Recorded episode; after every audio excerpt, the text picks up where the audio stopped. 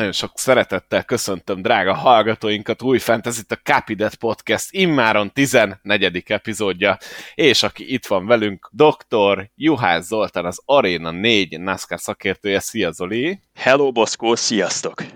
És Molnár Dávid, az Eurosport kommentátor és a 500 Miles szerkesztője. Hello! Hello, sziasztok! Jaj, de jó, három nap után sikerült ezt összehoznunk, azt hiszem, hogy egyik is kulisszatitkot elárulhatunk a drága hallgatóknak, jó magam pedig Módos János vagyok a 500 Miles szerkesztője szintén. Itt elég nagy technikai problémákba ütköztünk az elmúlt napokban, de most végre sikerült összehozni, úgyhogy egy pici csúszás lesz az adás megjelenésénél, ezért elnézéseteket kérjük. Mondhattam volna azt is, hogy informátoraink jelezték, hogy komoly hír van a láthatáron, amit meg kell várnunk, de ez nem lett volna igaz. Ellenben Sokkal mond... jobban hangzott volna, nem? Hogyha azt mondod, hogy és bevártuk, bevártuk a nagy bejelentést, és erre összpontosítottuk az erőinket. Igen. Csak hát igen, nem lett volna igaz, de, de tényleg jobb felvezetés lehetett volna egybe megpróbálom kimondani levegő nélkül. Kimi Raikkonen a Trackhouse racing tér vissza a NASCAR-ba Watkins Glenben. Ez volt a bomba, amit végül is akarva, akaratlanul bevártunk. Mit szóltok ehhez a hírhez? Én nagyon örülök ennek. Tehát én szerintem, szerintem nagyon rossz indulatú, nagyon megkeseredett embernek kell lenni ahhoz, hogy valaki erre húzza a száját. Ugye a Trackhouse bejelentette vagy két nappal ezelőtt, hogy indítanak egy 91-es számú autót részmunkaidőben, és ebben nemzetközi sztárokat fognak beültetni.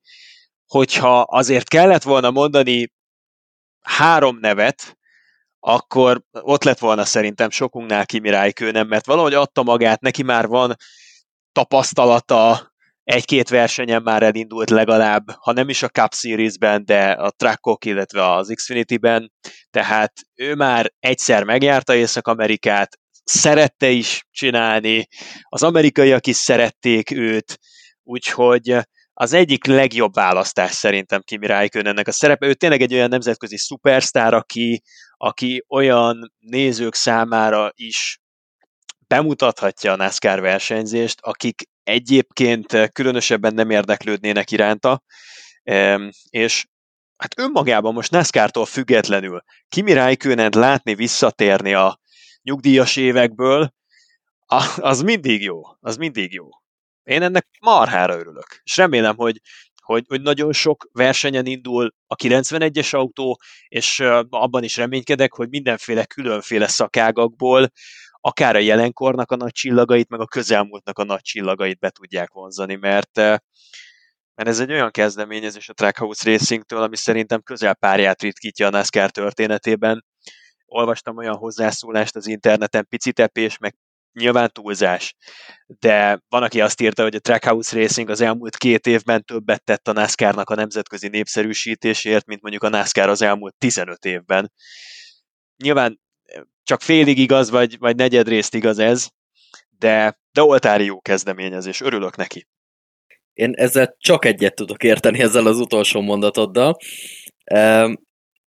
Ez nemzetközi szinten az, hogy egy ilyen világsztárt, egy, egy olyan embert, akit rengetegen imádnak Európában, rengetegen imádnak világszerte, sikerül behozni, még ha csak egy versenyre is, és aztán ki tudja, hogy ennek milyen folytatása lesz, lesz-e folytatása, az szerintem egy óriási dolog. Nem tudom, emlékeztek amikor 10, most már 11 évvel ezelőtt volt az a beugrása a trackban, akkor nemzetközi szinten azt a track versenyt, azt gyakorlatilag a programnak egy részét is Raikkonen köré szőtték, a nemzetközi sajtó az gyakorlatilag a, a NASCAR trackkal sokkal jobban foglalkozott, mint a NASCAR Cup Series-zel. Minden egyes nem csak sportportálon, hanem, hanem akár általános híroldalakon is megjelent ez a hír. A népnyelv elkezdte azt a futamot Kimi 200-nak hívni, Úgyhogy mindenképpen annak egy óriási visszhangja volt, és valószínűleg ennek sem lesz kisebb visszhangja. Én megmondom őszintén, borzasztóan örülök ennek a dolognak, és szívből remélem, ahogy te is mondtad, hogy ez a projekt, ez majd olyan embereket fog visszacsábítani, vagy becsábítani a NASCAR-ba, akiket adott esetben más versenyszériákban láttunk sztárrá válni. Ti kiket látnátok még szívesen? Mert ez nyilván elindít egy, egy lavinát így a gondolatok terén, és, és, és azért én nem tudom, nagyon-nagyon finom dolgokat lehetne kifőzni ebből. Hát azért rótpályákon már voltak próbálkozók, nagy nevek a korábbi években, ugye pont ebben az évben ment azt hiszem például Joey Hand is a Kotán, és egy ember viszont van, aki Amerikában már próbálkozott, amikor éppen F1-ből visszavonulóban volt, ő pedig Fernando Alonso.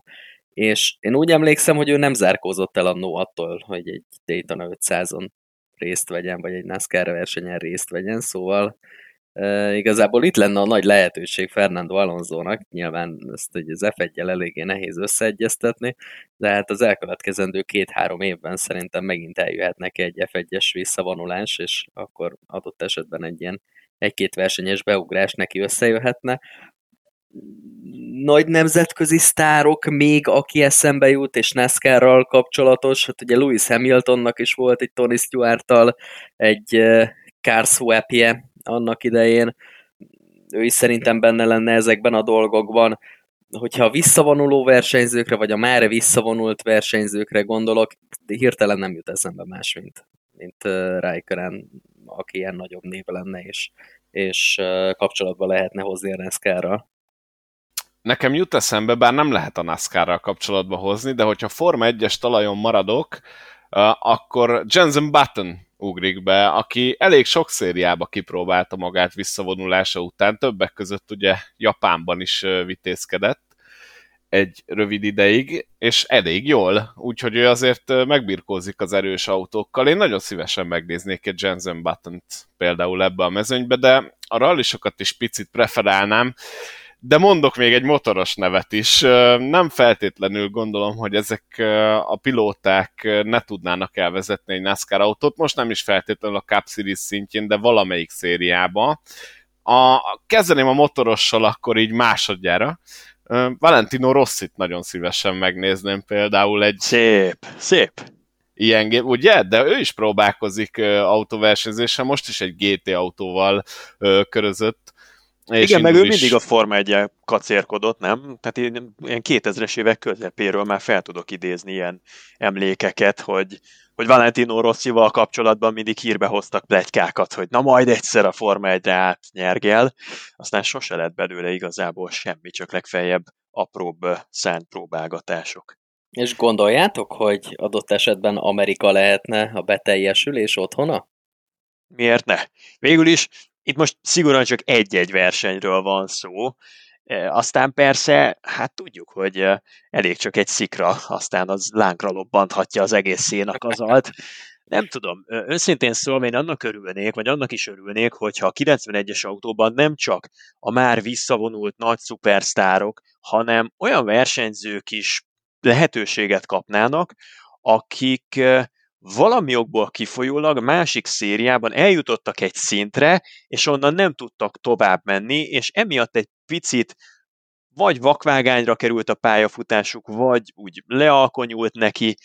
Tehát például azt hiszem, hogy egy Daniel Ricardo számára a megváltással lenne egyenértékű, hogyha ő ebből a jelenlegi helyzetéből, ami talán kimerem jelenteni, hogy nem sok előrelépéssel kecsegtet, ebből a közel apatikus hangulatból, e, ebből, ebből mondjuk át tudna jönni a NASCAR-ba, mert megvan benne az eltökéltség, megvan benne az imádata a NASCAR-nak, nem véletlen, hogy Dale Senior az ő abszolút hőse, gyerekkori idol. Az ausztrálok eleve nagyon szeretik a NASCAR-t, és ha valakit megmenthet karrier szinten, akkor az Daniel Ricciardo.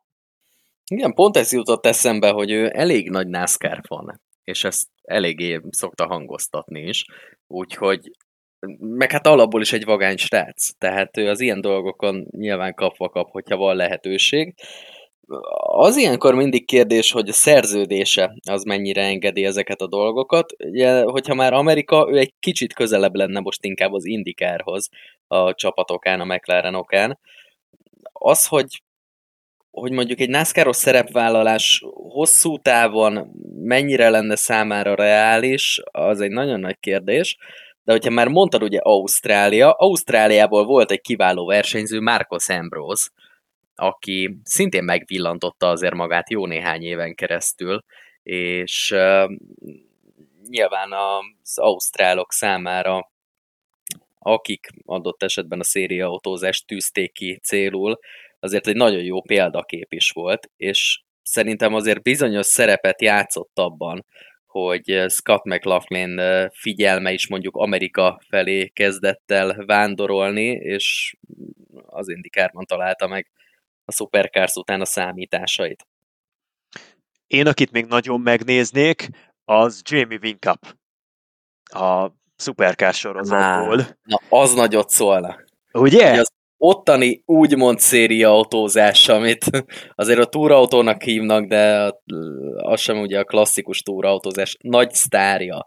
A, a legyőzhetetlennek hit, sokáig legyőzhetetlennek hit legenda, amikor átjön Amerikába, beül egy széria autóba és elkezd nászkározni, akkor így első nekifutásra mire lenne képes, azt úgy én is megnézném.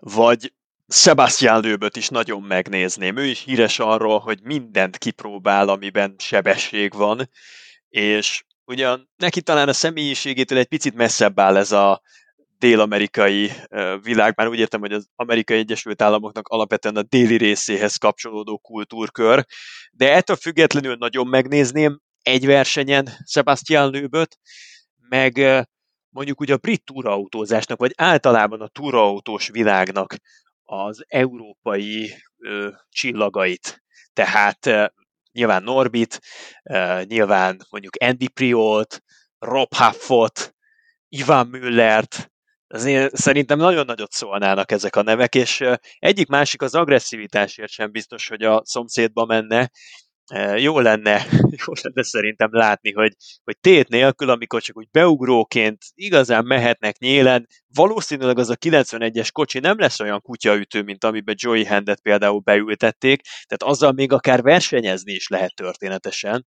Egy túrautó versenyzőnek, vagy mondjuk egy DTM menőnek szerintem adott esetben lehet esélye egy top 10-es helyezésre ezzel a kocsival. Igen, az a helyzet, hogy lőbb lett volna a rallisom.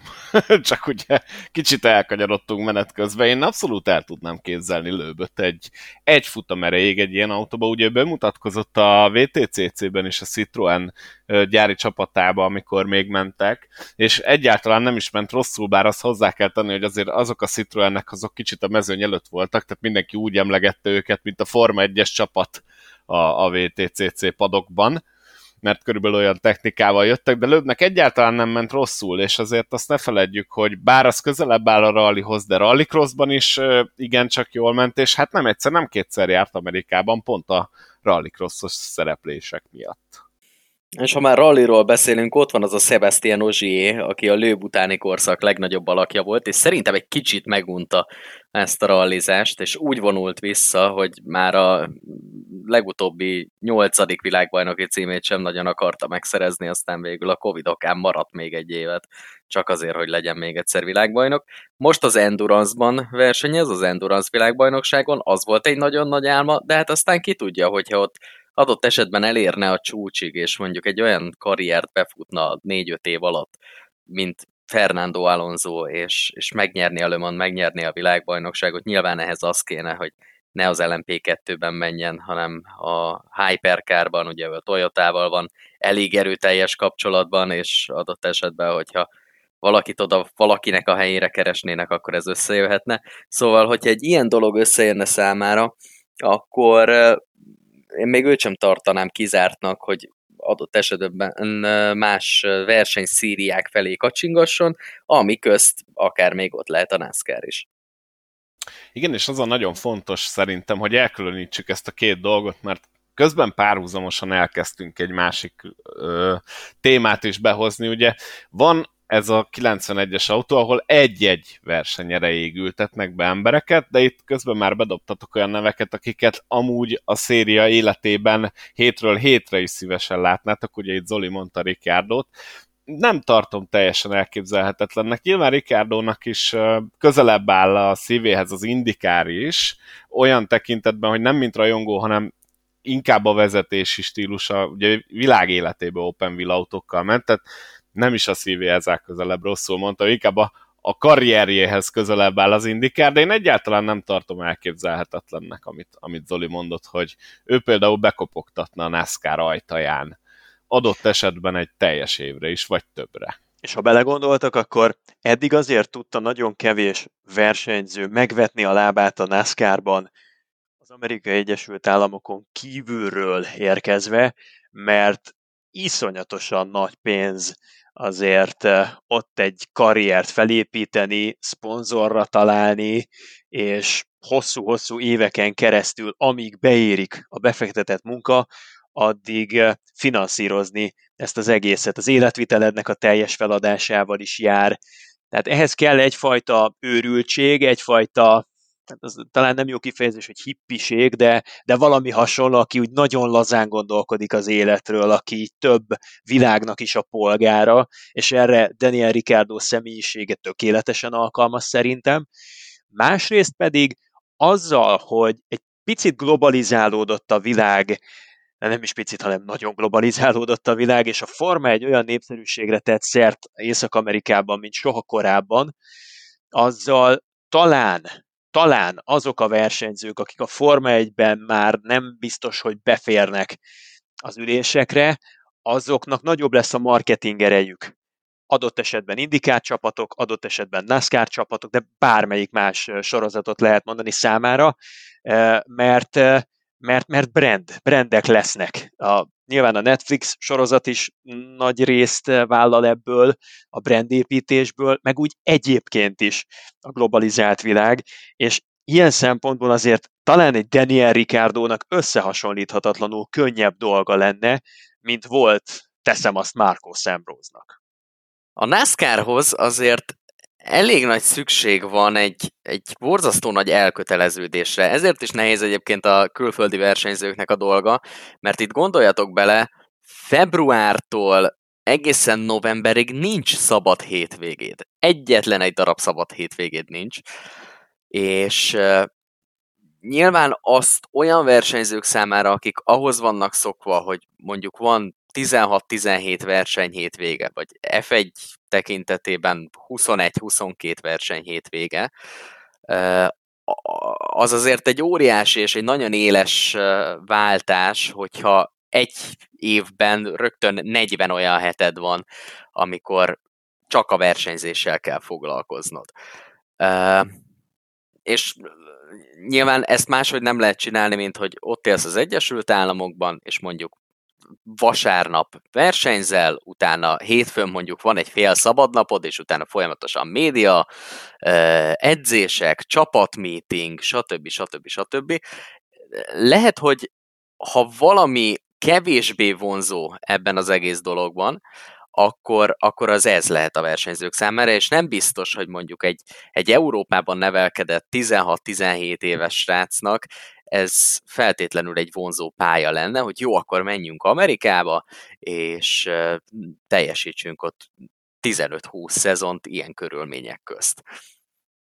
És bedobok egy másik megközelítést a témával kapcsolatban. Mit gondoltok, hogyha Trackhouse-nak bejön ez a parti, már pedig én fixen mondom, hogy bejön. Mindenki róluk fog cikkezni azon a hétvégén. Beindíthat-e ez egy olyan lavinát, hogy a többi csapat is elkezd adott esetben egy-egy futamra hozni ilyen plusz autókat, és nem csak egy-egy név ugrik be egy nagyobb név egy ilyen versenyre, hanem lehet, hogy egy héten akár több is. Mi a véleményetek erről? Az a kérdés, hogy ilyen szinten lenne-e erre érdeklődés.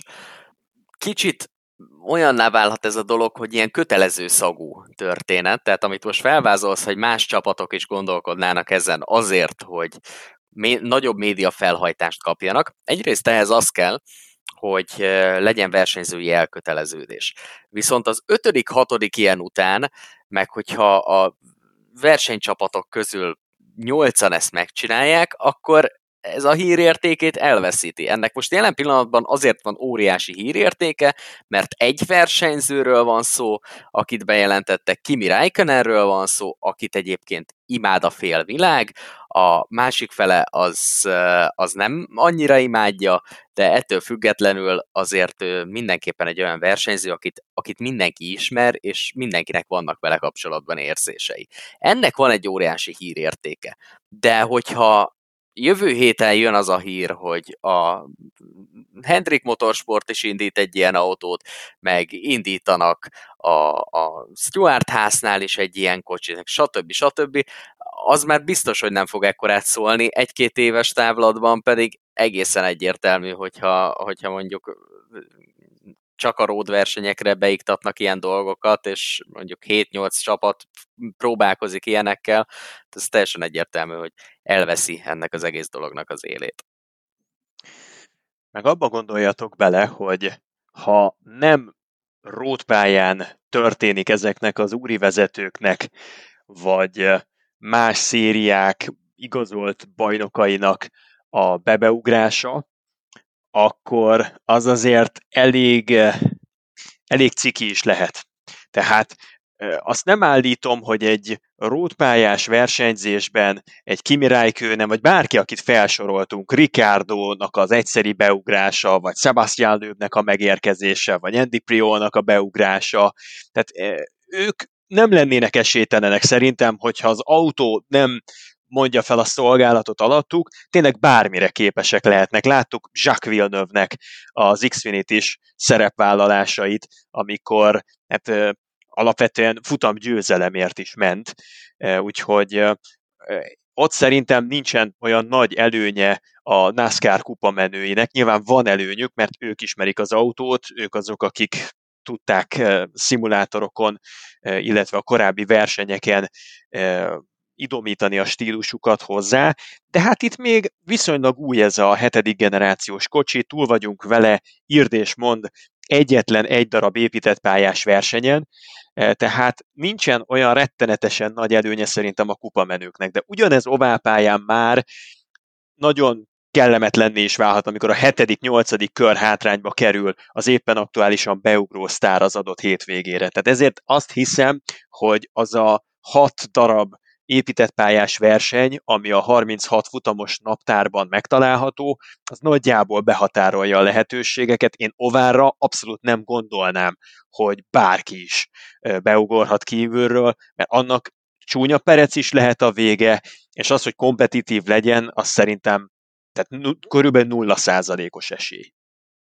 Van azért erre ellenpélda is, és nem teljesen értek veled egyet abban, hogy olyan kicsi lenne, vagy annyival kisebb lenne a rótpályákon a különbség a NASCAR menők és a, a rótpályás, nem NASCAR-os versenyzők közt. Gondoljunk mondjuk Matthias Ekströmre, aki ment két NASCAR futamot, az egyiket azt egy Szonomában, és azért ott jelentős lemaradásban volt, annak ellenére, hogy azért kevés nagyobb mestert lehet találni az európai hasonló autókban, mert nyilván itt azért olyan konkrét széri autók nincsenek, de azok a sziluett autók, amiket a DTM-ben használtak nagyon-nagyon sokáig, az valamilyen szinten azért ehhez közel áll, illetve azért ő is egy nagyon sok oldalú versenyző, rallizott, rallycrossozik, megy ebben a, ebben a mm, elektromos mókában is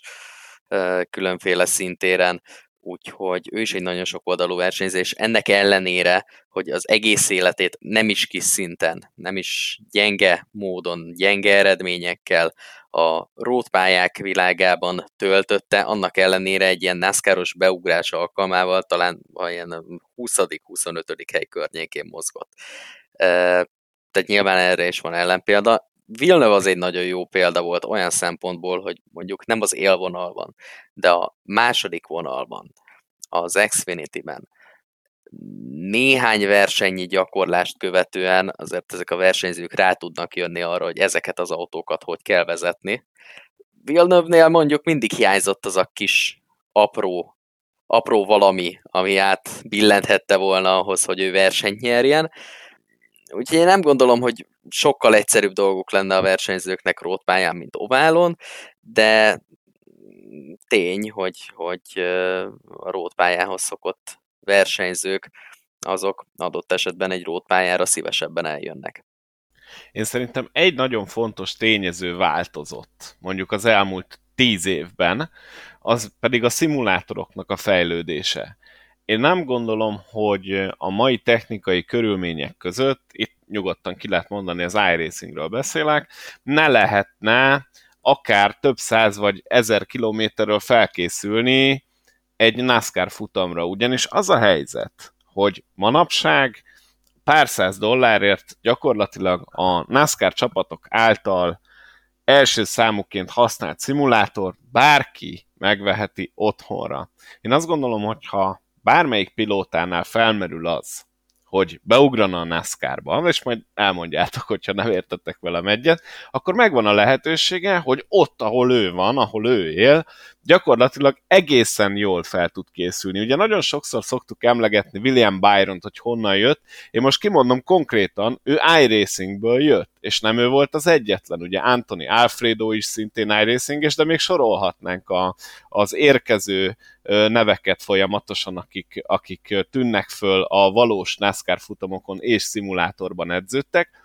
illetve rengeteg csapat és pilóta elmondta ugye a covidos korszakban, hogy amikor nem tudtak gyakorolni, nem volt kvalifikáció, akkor folyamatosan a szimulátort nyúzták. Olyan emberek is, akik hát bőven nem ebben a korban nőttek föl hogy szimulátorozgassanak. Ilyen szempontból szerintem lényegesen egyszerűbb akár beugrani egy-egy ö, ilyen futamra, mint mondjuk tíz évvel ezelőtt. Más kérdés, hogy azért a szimulátor még mindig nem valóság, de mindenki azt állítja, aki, aki ült szimulátorban komolyan, és komolyan is vette, nem úgy, mint például Buba Valasz, aki nagyon sokáig ellene volt ennek az egésznek, aztán ez meg is látszódott a teljesítményen, hogy szerintem ez ilyen szempontból azért egy picit egyszerűbb, és amikor megérkeznek, akkor már, már jóval több információval rendelkeznek, mint korábban, de ez nem azt jelenti, hogy mindenki azonnal rá fog érezni az autóra, itt is nyilván van egy tanulási görbe, nem százszázalékos a szimuláció, de én azt gondolom egyrésztről, hogy ez, ez sokat segíthet. Ti hogy látjátok? Biztos, hogy sokat segíthet. Persze, általában akiket most felsoroltunk, azok ilyen 40 és a fölötti korosztály, akik lehet, hogy a karrierjüknek a javarészét azt nem a szimula- szimulátorozással töltötték, vagy nem is nagyon használták a felkészülésükhöz. Ettől függetlenül, vagy ezzel együtt nyilván jelenthet nekik segítséget, hogy felkészüljenek jobban, Persze ez egyéni elhivatottság kérdése is, mert azért mondjuk Rijkönet nem úgy ismerem, mint aki most össze fogja törni magát annak érdekében, hogy minél jobban felkészüljön arra az egy versenyre, amire beugrik. Nem mondom, hogy félvárról fogja venni, de ő nem feltétlenül arról híres. Ugyanezt, hogyha mondjuk egy más eh, munkamorálral rendelkező, vagy mondjuk egy olyan versenyzőre eh, projektálod, akinek még azért van mit bizonyítania, aki még éhes, aki még, aki még úgy tekint a karrierjére, mint egy befejezetlen bizniszre, az meg, az meg lehet, hogy sokkal jobban neki gyűrkőzik, és, és beleöl két tucat e, szimulátoros órát, vagy hármat, négyet e, annak érdekében, hogy, hogy felkészüljön arra az egy-egy versenyére, amire beugrik. E, nem tudom, nagyon érdekes dolgok ezek közben. Most olvasom, képzétek el Twitteren, hogy Jimmy Johnson adott egy interjút, és eh, hát kilátásba helyezte, hogy nagyon szeretne előbb vagy utóbb egy duplázást csinálni, amikor az Indianapolis 500 mérföldes után még aznap rögtön a Coca-Cola 600-at is ráteszi Charlotte-ban. Szeretném uh, magát próbálni a NASCAR-ban? ja, igen. Egyébként érdekes, ja bocsánat. Nem, csak, csak annyi, hogy ugye ez nyilván mindig magában hordozza annak a lehetőségét, hogy meg lehet fejelni a, a korábbi elődöknek a mintáját, és ki tudja, lehet, hogy egyszer eljutunk arra a szintre, amikor mondjuk úgy indul el a Coca-Cola 600, hogy hogy mondjuk Jimmy Johnson azért küzd, hogy mind a két futamot a top 5-ben fejezze be, vagy mind a kettőt megnyerje egy adott napon. Nyilván ez az álomvilág jelenleg, de, de, de már csak gondolatkísérletnek is érdekfeszítő. És a legutóbbi ilyen próbálkozásra emlékeztek, amikor Kurt Busch próbálta meg ezt a dolgot? Igen. És Igen. mindenki nagy meglepetésére azt hiszem, hogy negyedik helyen végzett az Indi 500-on, és Hat, utána... Hatodik rémlik nekem. A hatodik? Hatod, Valahol az élmezőnyben volt, az egészen biztos. És utána átröppent Charlotte-ba, és ott sem ment olyan nagyon-nagyon rosszul, egy kör hátrányban fejezte be végül a versenyt, de az pont egy olyan szezon volt, ahol azért Kurt Busch nem tartozott az élmenők közé, és a győzelemre mindenkor esélyesek közé. Úgyhogy meg lehet csinálni manapság már viszonylag magas szinten, és mondjuk, hogyha tényleg Jimmy Johnsonról beszélünk, akkor ő egy olyan versenyző, aki erre képes lehet. És hozzáteszem, hogy nincs itt az Andris, és úgy emlegetjük Jimmy Johnson-t. Hogy fog ennek örülni, amikor meghallgatja az epizódot?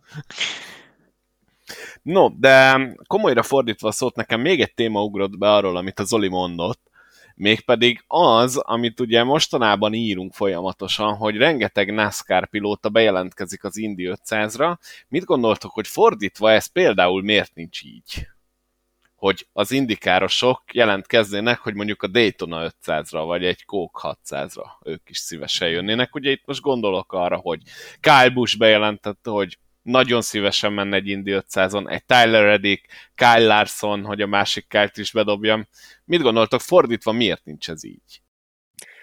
Szerintem ezt abban kell keresni, hogy az indikárosok programja, amikor az igazán nagy versenyek vannak, pont akkor kezd felpörögni, akkor kezd elindulni abba a fázisába, ami a felkészülés, a szezon előtti felkészülés utolsó szakasza, nevezetesen ugye kezdődnek a szezon előtti szebringi tesztek, akkor már mindenki, amikor a Daytona 500 zajlik nyilvánvalóan, akkor már mindenki arra koncentrál, hogy az indikár szezonját jól teljesítse, hogy minél jobban felkészült legyen, utána pedig, hogyha mondjuk egy nyári időszakra gondolunk, ahol megint azért vannak kiemelkedő versenyek, és olyan versenyek, ahova mondjuk adott esetben átjöhetnének, akkor meg már ott van a másik része a dolognak, hogy annyira sűrű az indikár naptár, hogy egész nyáron nincs lehetőségük arra, hogy bárhol máshol versenyezzenek.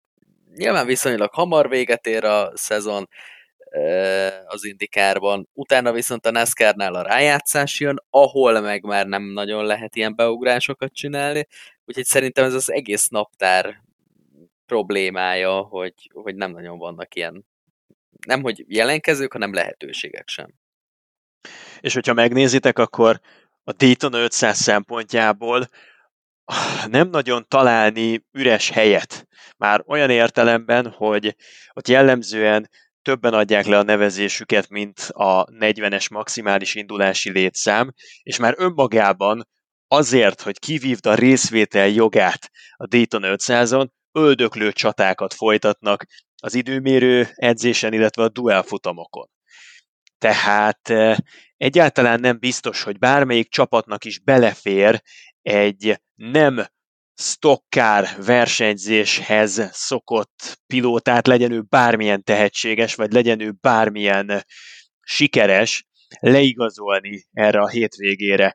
Ez nem fér bele, mert pont azok a csapatok, amelyek nem rendelkeznek charterrel, egyszerűen nem engedhetik meg maguknak azt, hogy a Daytona 500-at amiatt hagyják ki, és maradjanak le az ezzel járó pénzdíjról, mert a duel versenyen egy Peck jelenet sorban egy ott idegen testként mozgó, ahhoz egyáltalán hozzá nem szokott versenyző, csinál egy balesetet, vagy elveszíti a szélárnyékot, tehát nem feltétlenül a Dayton 500-on kell bemutatkozni a kupasorozatban, meg úgy általában nem Super Speedway-en kell megtenni az első köröket a szériaautózásban. Láthattuk, hogy a NASCAR mondjuk egy Jennifer Joe Cobbnak azt mondta, hogy Talladégában hiába a Truck Series-es múlt, ő nem indulhat el a kupa programban, és vélhetően ugyanezt mondaná a NASCAR egy olyan indikár menőnek, aki soha egyetlen egy darab stockcar versenyen nem indult el, vagy mondjuk a NASCAR nemzeti szériáiból egyetlen egy rajtja sincs. Mennyire tudnánk megtámadni a NASCAR-nak ezt a döntését, hogy J. Joe Cabot nem engedték indulni szerintetek? Mert innen megközelítve azt gondolom, hogy teljesen jogos volt, valószínűleg a NASCAR látta J. Joe Cab korábbi futamait, és nem akarom nagyon bántani a hölgyet, de hát nem egy nem két nagy balesetnek volt az okozója. Ilyen szempontból van igazad, Zoli, hogy nem biztos, hogy itt kell bemutatkozni. Mondjuk én akkor sem értettem egyet a NASCAR-nak a döntésével. Szerintem közel felháborító volt az, hogy nem engedték elindulni. Tehát egy olyan hölgyről beszélünk, aki azért nagyon-nagyon régóta, ilyen 2008-2009 óta folyamatosan ott van a Truck Series versenyeken, és jellemzően teljes menetrendet, vagy ahhoz valami nagyon hasonlatosat fut. Egészen egyszerűen nem tudom elfogadni azt az indokolást, hogy neki ne lett volna meg az elégséges tapasztalata, hogy részt vegyen egy kupa futamon. Egy olyan félig tulajdonos, félig versenyzőről beszélünk, aki rengeteget áldozott fel a track versenyzésnek az oltárán, és Persze tisztában vagyok vele, hogy ez nem jótékonysági szervezet, meg nem az üdvhadseregről beszélünk, hanem a NASCAR-ról, amely felel a saját versenyzőinek a biztonságáért, de azért az egy picit nevetséges indokolás, hogy Jennifer Cup bárkire is veszélyt jelentett volna, mert közel sem ebbe a dimenzióba tartozik. Hát most itt gyorsan rákerestem a Wikipédia oldalára, 230 verseny van mögötte 13 esztendő alatt a Truck Series-ben, és az Xfinity-ben is futott 31 versenyt. Ott például érdekes módon el tudták engedni Talladégában, hol ott az Xfinity-ben jottányit nincsenek kisebb sebességek, mint a Cup-ban, tehát ez egy picit szerintem önkényes volt így ebben a formában, nem értettem vele egyet teljesen akkor sem, megértem az érveket, pont akkor volt szerencsétlen időzítéssel egy baleset, amit előidézett a track szériában, és ott nagyon rossz volt a képzettársítás, meg az időzítés, ám ettől függetlenül nézzétek meg, mit csinált a NASCAR ezzel a szerencsétlen hölgyel.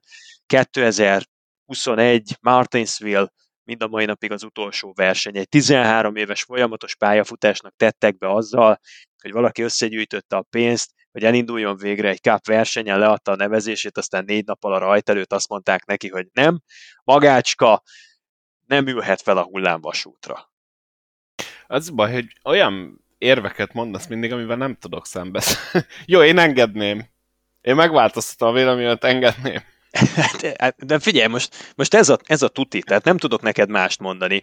Az Xfinity-ben el tudott indulni Talladégában, a track versenyeken 13 év alatt el tudott indulni Talladégában, akkor csak kinézzük már belőle, hogy nem fog egy Kevin Lepage módjára éles jobb kanyarral a 36 fős mezőny elé 120 mérföld per órás sebességkülönbséggel kiváltani a pitródról, és majdnem emberéleteket szedni. Tehát azért nem ez a kategória Jennifer Joe Cobb, és emiatt én mind a mai napig értetlenül állok a döntés előtt, az pedig nagyon sajnálatos, hogy ezzel tönkretették a pályafutását, a teljes Truck Series-es programját, és elveszítettünk egy Színes karaktert, aki azért szolgáltatott beszédtémát, nyilván nem üstökösszerű tehetségről beszélünk, de legalább valaki, aki szenvedéllyel élt ezért a szakágért, és ebbe bukott bele. Egyébként innen megközelítve ez nagyon szomorú, de én még mindig részben értem a nascar hogy miért. Nagyon sok pilótának kéne viszont nemet mondani, tehát a konzisztencia nincs meg, mert hogyha mondjuk J.J. Cabot lőjük be szintnek, akkor tényleg rengeteg olyan versenyző megkapta az indulási jogot az idők során, aki mondjuk az őszintje alatt volt. Tehát én nem feltétlenül engedném be az ennél tapasztalatlanabb versenyzőket. És bocs, csak annyi, hogy Harrison Burton például pont azon a tavalyi taladégai helyszínen mutatkozott be a Cup Series-ben, egy fiatal emberként, egy rutintalan Xfinity-s pilótaként, amelyikről Jennifer Joe Cabot a 13 év Truck Series múlt, meg a jó pár Xfinity tapasztalat alapján kitiltották. Jennifer Joe Cobbnak azért némiképp több tapasztalata van így autóversenyzés terén, vagy hát ha autóversenyzés terén nem is, de NASCAR terén mindenképpen, mint Jack Villeneuve-nek. Jack Villeneuve indulását mégsem kérdőjelezte meg senki. Ott vannak a Kóp testvérek, akik méltán híresek arról, hogy hát sokkal többet költenek szoláriumra, mint mondjuk autóvezetési oktatásra, vagy bármi hasonlóra. A NASCAR történetének legborzasztóbb teljesítményt összehozó testvérpárja, ez azt gondolom, hogy, hogy minden kétséget kizáróan így van, és soha nem merült föl olyan probléma, hogy hogy hát akkor nekik talán nem kéne indulni ezen meg ezen a versenyen, pedig akadt olyan eset, hogy nem tudtak baleset nélkül teljesíteni egy edzést. És ezért problémás ez igazából ez a Jennifer Joe féle eset, mert ő is rendszeresen mondjuk összetörte Daytonában vagy Talladegában az autóját, hogy a drag versenyről volt szó. Ettől függetlenül azért szerintem vannak versenyzők, akiktől jobban féltek a mezőnyben, mint tőle. Hát ilyen biztosan van. ezt, ezt azért, igen, ezt kijelenthetjük gyakorlatilag. Viszont egy másik témát dobnék be, és még mindig nem érünk el az All-Star versenyig, pedig volt az is a hétvégén, de ha már ilyen kicsit uh, szabad megközelítésben ballaktunk be a NASCAR ajtaján ebbe a podcastbe, akkor mit szóltok ahhoz, amit most éppen Martin Truex Jr. peceget, hogy az új autóval nem igazán érzi jól magát, lehet, hogy visszavonul, és erre kötném rá azt a hírt, hogy Danny Hamlin pedig kijelentette, hogy hát ő nagyon szívesen visszavonulna a Joe Gibbs Racing-től, tehát letöltené itt a karrierjének a hátralevő részét, és nem indítana a harmadik autót a csapatában, mint ahogy múltkor beszéltük, ezt is kidumáljuk szerintem mindjárt, de hogy Ty Gibbs-től függ ő szerinte már lassan a, a jövője. Mit gondoltok, hogy Martin Truex marad, ha nem marad, érkezhet-e Ty Gibbs, hogyha érkezik Ty Gibbs, és Martin Truex helyére érkezik, akkor Hamlinnek biztosítva van-e a jövője, és itt még a Margóra rá lehet fűzni azt, hogy Kyle Bussék már gyakorlatilag minden fronton próbálnak új szponzort keresni, ugye szintén Joe Gibbs racinges pilótáról beszélünk. Mit gondoltok, hogy fog alakulni a csapat pilóta felállása? Azt hiszem, hogy Martin Truex Jr.-nak a saját kezében van a sorsa. Csodálkoznék rajta, hogyha azok után, amit ő letett az asztalra az elmúlt öt évben, Joe Gibbs uh, ultimátumot adna neki, vagy bármi hasonló. Tehát szerintem szabad kezet kapott Martin Truex Jr., hogyha ő azt mondja valamikor idény közben, hogy szeretne még egy-két évet versenyezni, akkor biztosítani fogják neki a lehetőséget. És nem is ok nélkül, mert ha megnézitek, jó, persze, idén nincs még futamgyőzelme, de tavaly lehet mondani, hogy ő volt a hát, talán legjobb a Joe Gibbsesek közül, feltétlenül ő járt legközelebb a bajnoki címhez. Azt megelőző évekből van olyan, hogy 8 versenyt tudott megnyerni egy szezonon belül, és voltak olyan periódusai, amikor verhetetlennek bizonyult, például a 750 lóerős csomaggal, vagy azt megelőzően nagyon elkapta a GFC, és akkor az oválokon nem lehetett, a rövid short track oválokon nem lehetett megközelíteni. Tehát Truex-ből bármikor kinézem azt, hogy, hogy egyszer csak így, így, mint a villanykapcsoló, hogy valamit úgy betalál, és akkor megint egy ilyen ihletett állapotába kerül. Új autó ide vagy oda, szerintem ez bármelyik pillanatban előfordulhat. Neki biztos, hogy van egy olyan opciója, ami sérthetetlen csapaton belül. Hamlin esetében a FedEx gondolom én elkötelezett mellette, semmi jel nem utal arra, hogy az ő házasságuk, a FedEx meg Hamlin házassága felbomlana. Hamlin ezt nagyon sokszor mondta, ő biztos, hogy soha nem fogja cserben hagyni a FedExet, tehát eh, bármilyen vonzó is lenne esetleg a 23-11-es csapattal saját tulajdonában lévő autóval indulni, amíg a FedEx ott van mellette, addig Danny Hamlin marad a Joe Gibbs Racingnél. A FedEx meg nem fogja otthagyni a Joe Gibbs Racinget, tehát én arra sem nagyon számítok, hogy a 23-11-esen belül lesz egy FedEx által szponzorált és Hamlin által vezetett autó. Szerintem ez, ez, ez nem realisztikus. Ty Gibbset meg, ha van egy pici kis belátás, egy pici kis mértéktartás, akkor ott kell hagyni még jövőre is az Xfinity-ben. Én, amit láttam idén Gibbs-től, az számomra nem meggyőző, a sebessége megvan, a fiúnak a feje nincs még meg ahhoz, hogy cup versenyző legyen. Ha így ilyen felkészületlenül bedobják a mélyvízbe, annak beláthatatlan következményei lesznek, és le fogja boronálni a pályafutását eh, nagyon hamar. Úgyhogy én azt gondolom, hogy az a legjobb döntés, hogyha a, a Gibbs srác, ő még, ő még marad 2022-ben és 2023-ban is az Xfinity-ben, nyer egy bajnokságot, akkor esetleg lehet szó róla, hogy, hogy felmehet a kábba, de jelenleg még nem érzem őt készen arra a mentális ö, megterhelésre, ami rá vár. Truexre kötnék rá egy kicsit. Szerintem még nem kell elkezdeni ö, ásni ezt a bizonyos sírt. Azért nézzünk rá az eredményekre. Igaz, hogy Martin Truex Jr.-nak nincsen jó szezonja, olyan szempontból, hogy nagyon sok volt a nullázás. De azért gondoljunk bele, hogy például mi történt a Doveri versenyen, hogy esett vissza. Mi történt Darlingtonban, hogy esett vissza. Tehát inkább Martin Truex Jr.-nál a bal szerencse faktor az, ami nagy mértékben közrejátszik a dolgokba. Nézzük meg például a pontokat. Ott van pontversenyben a hatodik helyen. Nézzük meg a csapattársait. Kyle Busch győzelemmel, pontokkal megelőzi őt. De ott van Christopher Bell, szintén nincsen győzelme. Ott van Danny Hamlin, van győzelme, de pontja alig. Tehát vannak azért bőven még a csapattársak közt is olyanok, akik rosszabbul teljesítenek, mint Martin Truex Jr., és azért ne felejtsük el, hogyha adott esetben az alapszakaszban nem sikerül győzelmet szereznie, akkor sincsen még ezzel a teljesítménnyel sem olyan nagyon nagy bajban a pontok tekintetében, és ő pontosan tudja, hogy az utolsó tíz verseny lesz az, ami igazán számít. Volt már olyan szezonja, amikor azt hiszem, hogy a bajnoki címe évében sikerült sorra nyernie a rájátszás versenyeket, úgyhogy az alapszakaszban azért nem szerzett 10 futam győzelmet egymás után, tehát Martin Truex Jr. azért, azért egy, egy régi motoros, egy, egy nagyon tapasztalt róka, itt van ez az új autó, lehet, hogy nem ő tanulta meg a leggyorsabban, legkorábban, de azért én nem temetném őt, mint versenyző és mint esélyes ebben a szezonban.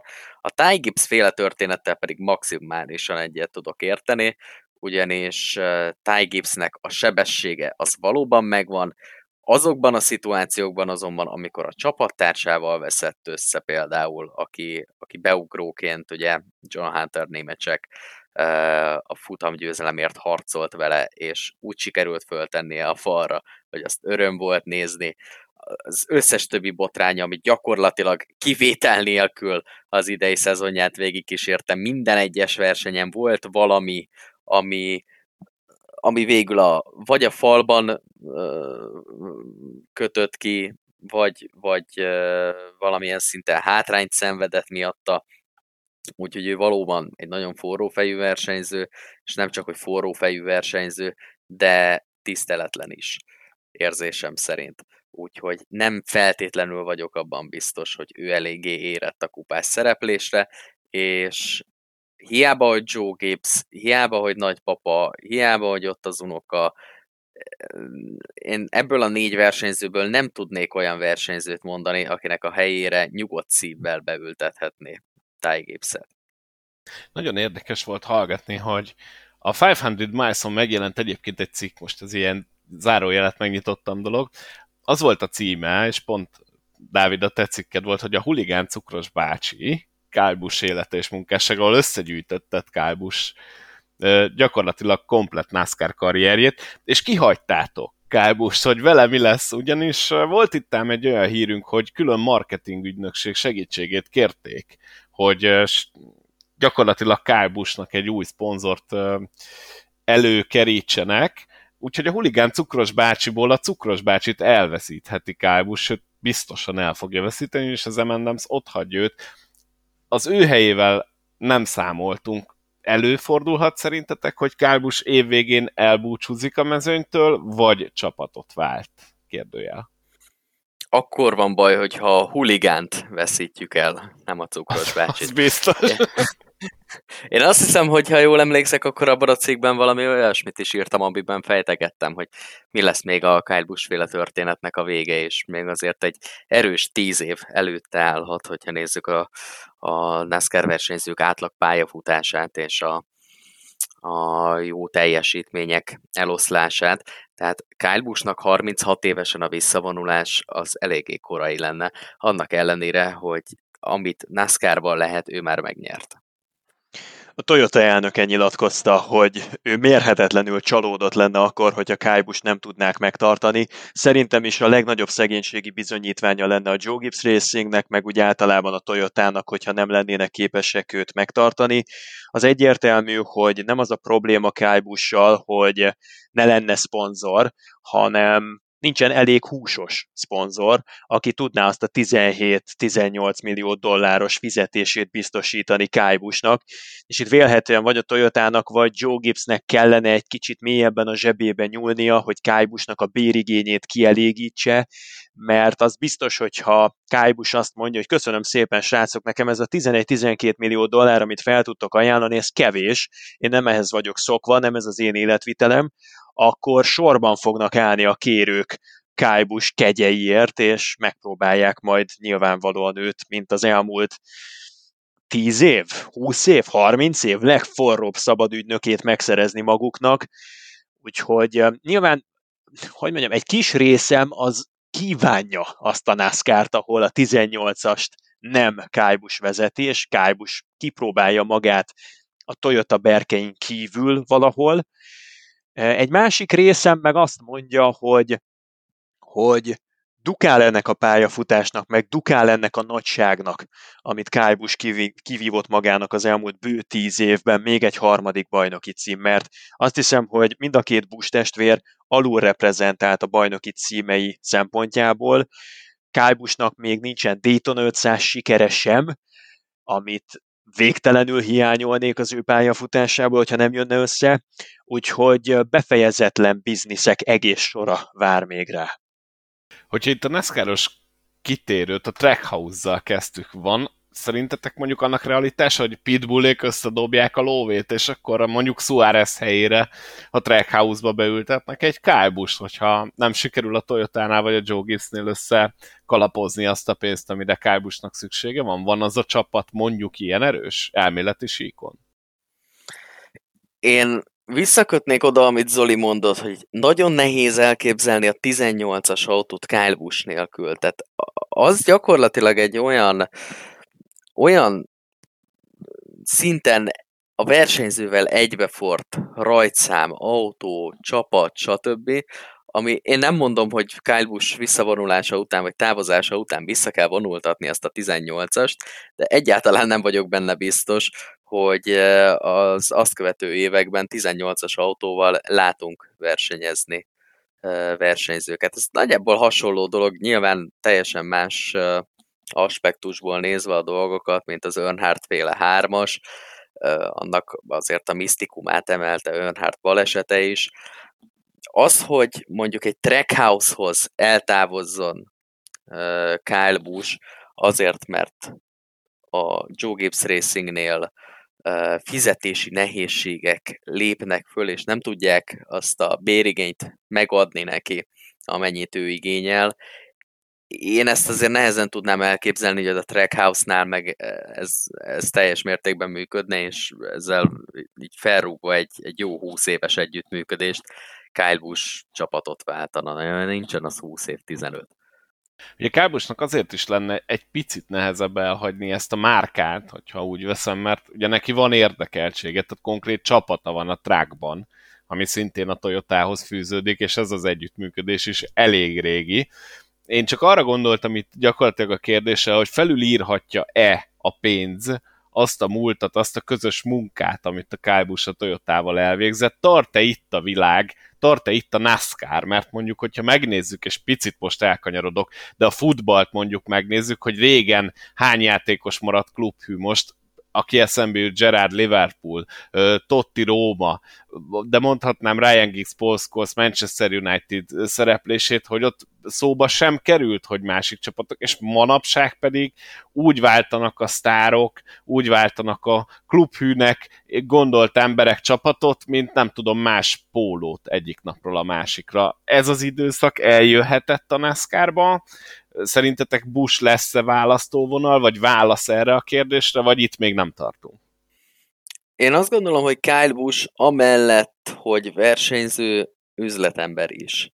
És mint ilyen, vannak máshonnan is azért bőven bevételi forrásai, és nem hiszem, hogy egy-két millió dolláron, vagy pár százezer dolláron adott esetben e, múlna az a dolog, hogy egy teljesen más helyen, ami mondjuk nem a saját csapat, mert nyilván, hogyha egy saját csapatról van szó, akkor itt azért változnak a dolgok, mint mondjuk Tony Stewart esetében volt annó, hogy ő azért hagyta el a Joe Gibbs Racinget, hogy aztán a Stuart Haas Racing néven Gene Haasékhoz betársulva létrehozzon egy csapatot, vagy beszálljon egy csapatba, és azt saját versenyzőként, tulajdonos versenyzőként felépítve összehozzon valami nagyon nagyot, ez nyilván egy teljesen más dolog, de az, hogy egy idegen csapathoz elmenjen, most mondjuk azt apró pénzbeli viták miatt, én azt eléggé valószínűtlennek tartom. Tehát akkor inkább az a, az a forgatókönyv szerintünk, és akkor ebben szerintem megegyezhetünk, hogy Kábus azt mondja, hogy jó, akkor nem 17 millió, hanem legyen 14, de azt szedjétek össze. Tehát... Ja, hogy csak én 500 ezeret engedni. Hát- de mondjuk 2-3 millióval kevesebb lenne az éves fizetése, amiért most is panaszkodott egyébként már ide. Nem, szerint, a... szerintem nem ez lesz. Én szerintem az lesz, hogy vagy a Toyota, vagy Joe Gibbs, vagy a szponzor, legyen az akárki, kénytelen lesz kifizetni. Tehát Kájbust én nem úgy ismertem meg, mint aki tágít. Tehát, eh, tehát én biztos vagyok benne, hogy ebben a felállásban Kyle Busch az tökéletesen tisztában van a saját értékével.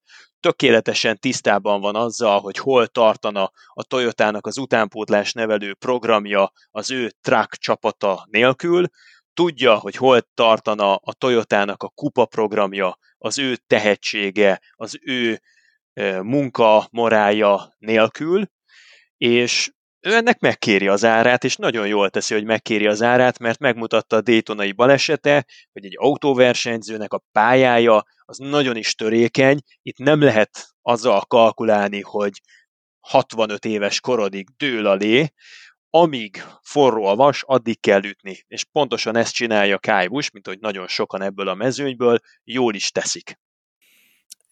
Nyilván Kyle Busch, tehát arról nincsen vita, hogy Busch, hogyha lesz lehetőség, akkor elmegy a végsőkig a tárgyalásokban, ez teljesen egyértelmű. Én inkább azt mondom, hogy a végső döntés, amikor azt mondják, hogy bocs, Kyle, ennyi pénzünk van, válság van, recesszió van, nem tudunk többet adni, akkor nem feltétlenül egy millió fog múlni ez a dolog akkor gyakorlatilag elmondhatjuk, hogy nagy valószínűséggel így vagy úgy, de marad a Toyota-nál Kyle Busch, akiről megint sokat beszéltük. Látjátok, egy megkerülhetetlen figura. Nem tudsz Akár csak Cory Lajoy. Akár csak Cory Lajoy. Vagy, vagy... róla. Á, igen, köszönöm szépen. Milyen jól ment Lajoy a, az Open versenyen. Na, akkor térjünk át az all Milyen jól ment Lajoy az Open versenyen? Nagyon jól ment Lajoy az Open versenyen. Nagyon tetszett, ahogy megszabadulva a 20-nál a gyorsabb versenyzőtől ott tudott lenni az élmezőnyben. Viccet félretéve, amúgy tényleg elemezzük ki ezt a texasi viadalt egy kicsit, mert a másfél mérföldes pályák közül eddig szerintem ezen a, az All-Star hétvégén láttuk a legunalmasabb, legsemmit mondóbb, hát mondjuk úgy körözgetést. Igen, ez egy csapnivaló verseny volt szerintem. Bár az elmúlt éveknek a texasi futamaival összehasonlítva egyáltalán nem a legrosszabb.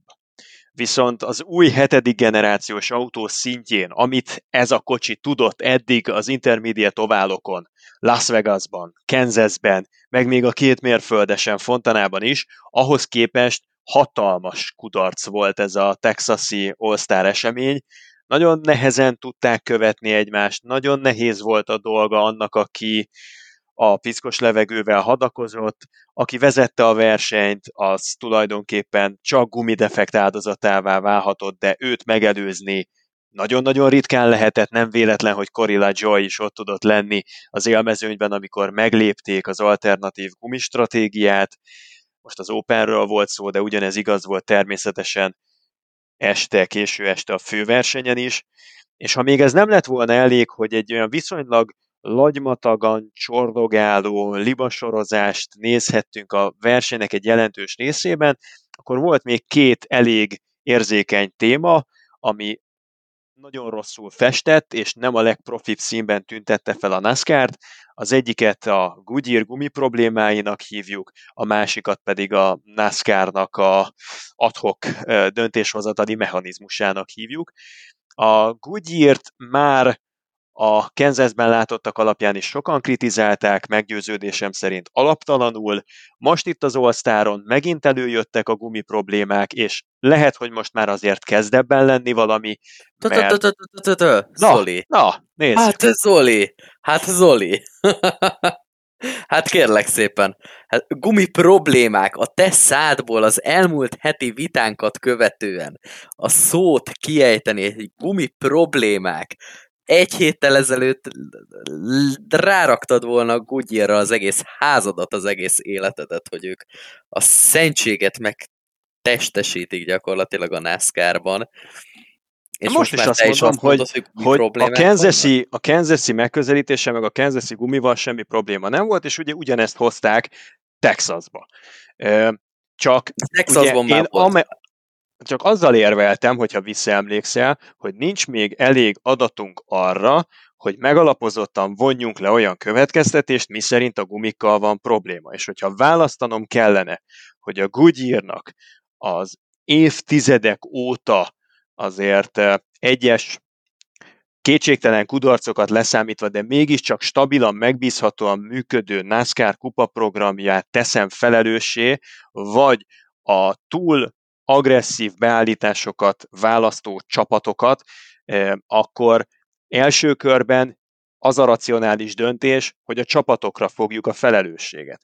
Viszont, hogyha ez túl sokszor fog ismétlődni ebben a szezonban, akkor egyre inkább el kell gondolkodni azon, hogy esetleg a Goodyearnak is lehet valamilyen felelőssége ebben a történetben.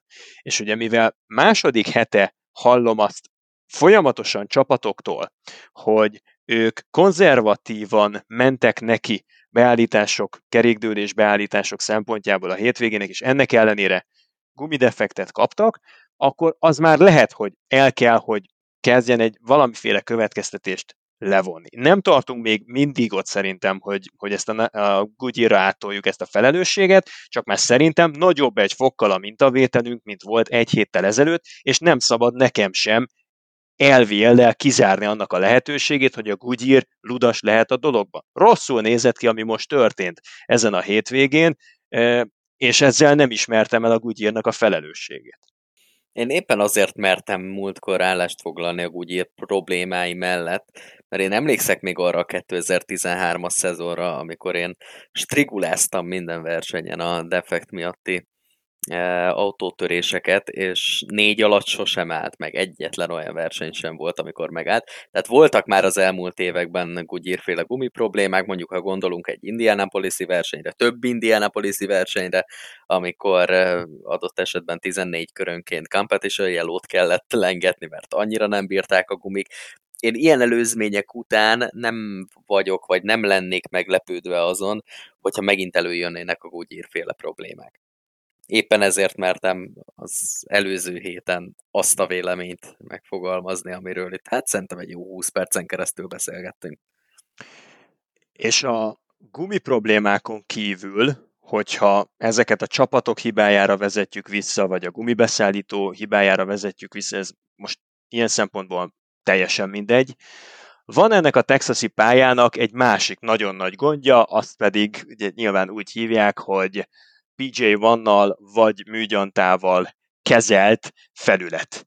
Mert ez, ami évek óta most már vitatémát szolgáltat, eh, és tönkretett indikárversenyeket, a NASCAR-nak meg nem javítja olyan mértékben a produktumát, a terméket, amit elvárnánk tőle, és akkor felmerül a kérdés, hogy van-e egyáltalán erre bármilyen szükség, van-e létjogosultsága annak, hogy mindig egy ilyen vegyülettel kezeljük a pályának a felületét, annak érdekében, annak reményében, hogy kiszélesítjük a sávokat, csak közben a versenyen úgy Isten igazából e, nem sikerül belőni azt a megfelelő egyensúlyt, ami ugyanolyan jól versenyezhetővé tenni a középső-külső évet, mint a belsőt. Mert ezen a texasi versenyen is kevés kivételtől eltekintve, de nem tudtak vált válnak vetve küzdeni egymással, annyira domináns volt az etapok elején a belső év, és annyira nehezen érkezett meg a műgyantával kezelt középső-külső ív. Volt egy nagy baleset is ezen az All-Star hétvégén, Mégpedig Kyle Busch pont egy defekt miatt lassult vissza, és húzódott hát a pálya alsó részére, de az éppen előzésben lévő Ross Chastain egész egyszerűen már nem tudta ezt lereagálni, és elképesztő tempóval ugratott át gyakorlatilag Kálbus Toyotáján, hihetetlen képsorok voltak, és egy teljesen vétlen pilótát is sikerült a balesetbe bevonni, ez pedig Chase Elliott volt, aki mindentől zavartalanul gyakorlatilag az eset előtt autózott, de Chastain olyan sebességgel érkezett meg, hogy gyakorlatilag kiszedte Elliott autóját. Mit gondoltok, hogy lesz-e például a keverékben változás mondjuk ennek következményeképpen. Itt ugye arról beszélgetünk részben, hogy a Goodyearnak többféle keveréke van, amit el tud hozni egy-egy ilyen versenyre, és itt már tényleg második hete láttuk, hogy mondhatni nagyobb problémák vannak, és a csapatok amúgy a Goodyear-re fogják. Én a NASCAR csapatokban nem mondom, hogy így látatlanban száz százalékig bízok, de ez egy nagyon hosszú, hosszú téma. Én még mindig nem hiszem el, hogy mindenki olyan teljesen konzervatívan állna az egy millió dollár megnyeréséhez, ez szerintem picit életidegen lenne a csapatoktól. De hogy egy ilyen baleset például meg, meggyorsíthatja-e azt a folyamatot, hogy bizonyos emberek tárgyalóasztalhoz ülnek, vagy másként döntenek? Vagy a verseny összegészét nézi a, a Goodyear és a NASCAR? Ez egy nagyon jó kérdés. Azt tudjuk, hogy az előző, a Kansas verseny után is alaposan szemügyre vették azokat a gumikat, amik problémákat jeleztek. Én, amit hallottam, ugyanígy megvizsgálták Kájbusnak a gumiját, ami ezt a förtelmesen nagy balesetet idézte elő, és arra a következtetésre jutottak, hogy az egy kiszúrt kerék volt, tehát valamiféle törmeléket gyűjthetett össze, nem a klasszikus gumikopásra vagy a gumik terhelésére visszavezethető okokból bekövetkezett defekt, hanem más jellegű, ami ellen nem biztos, hogy van mencsvár.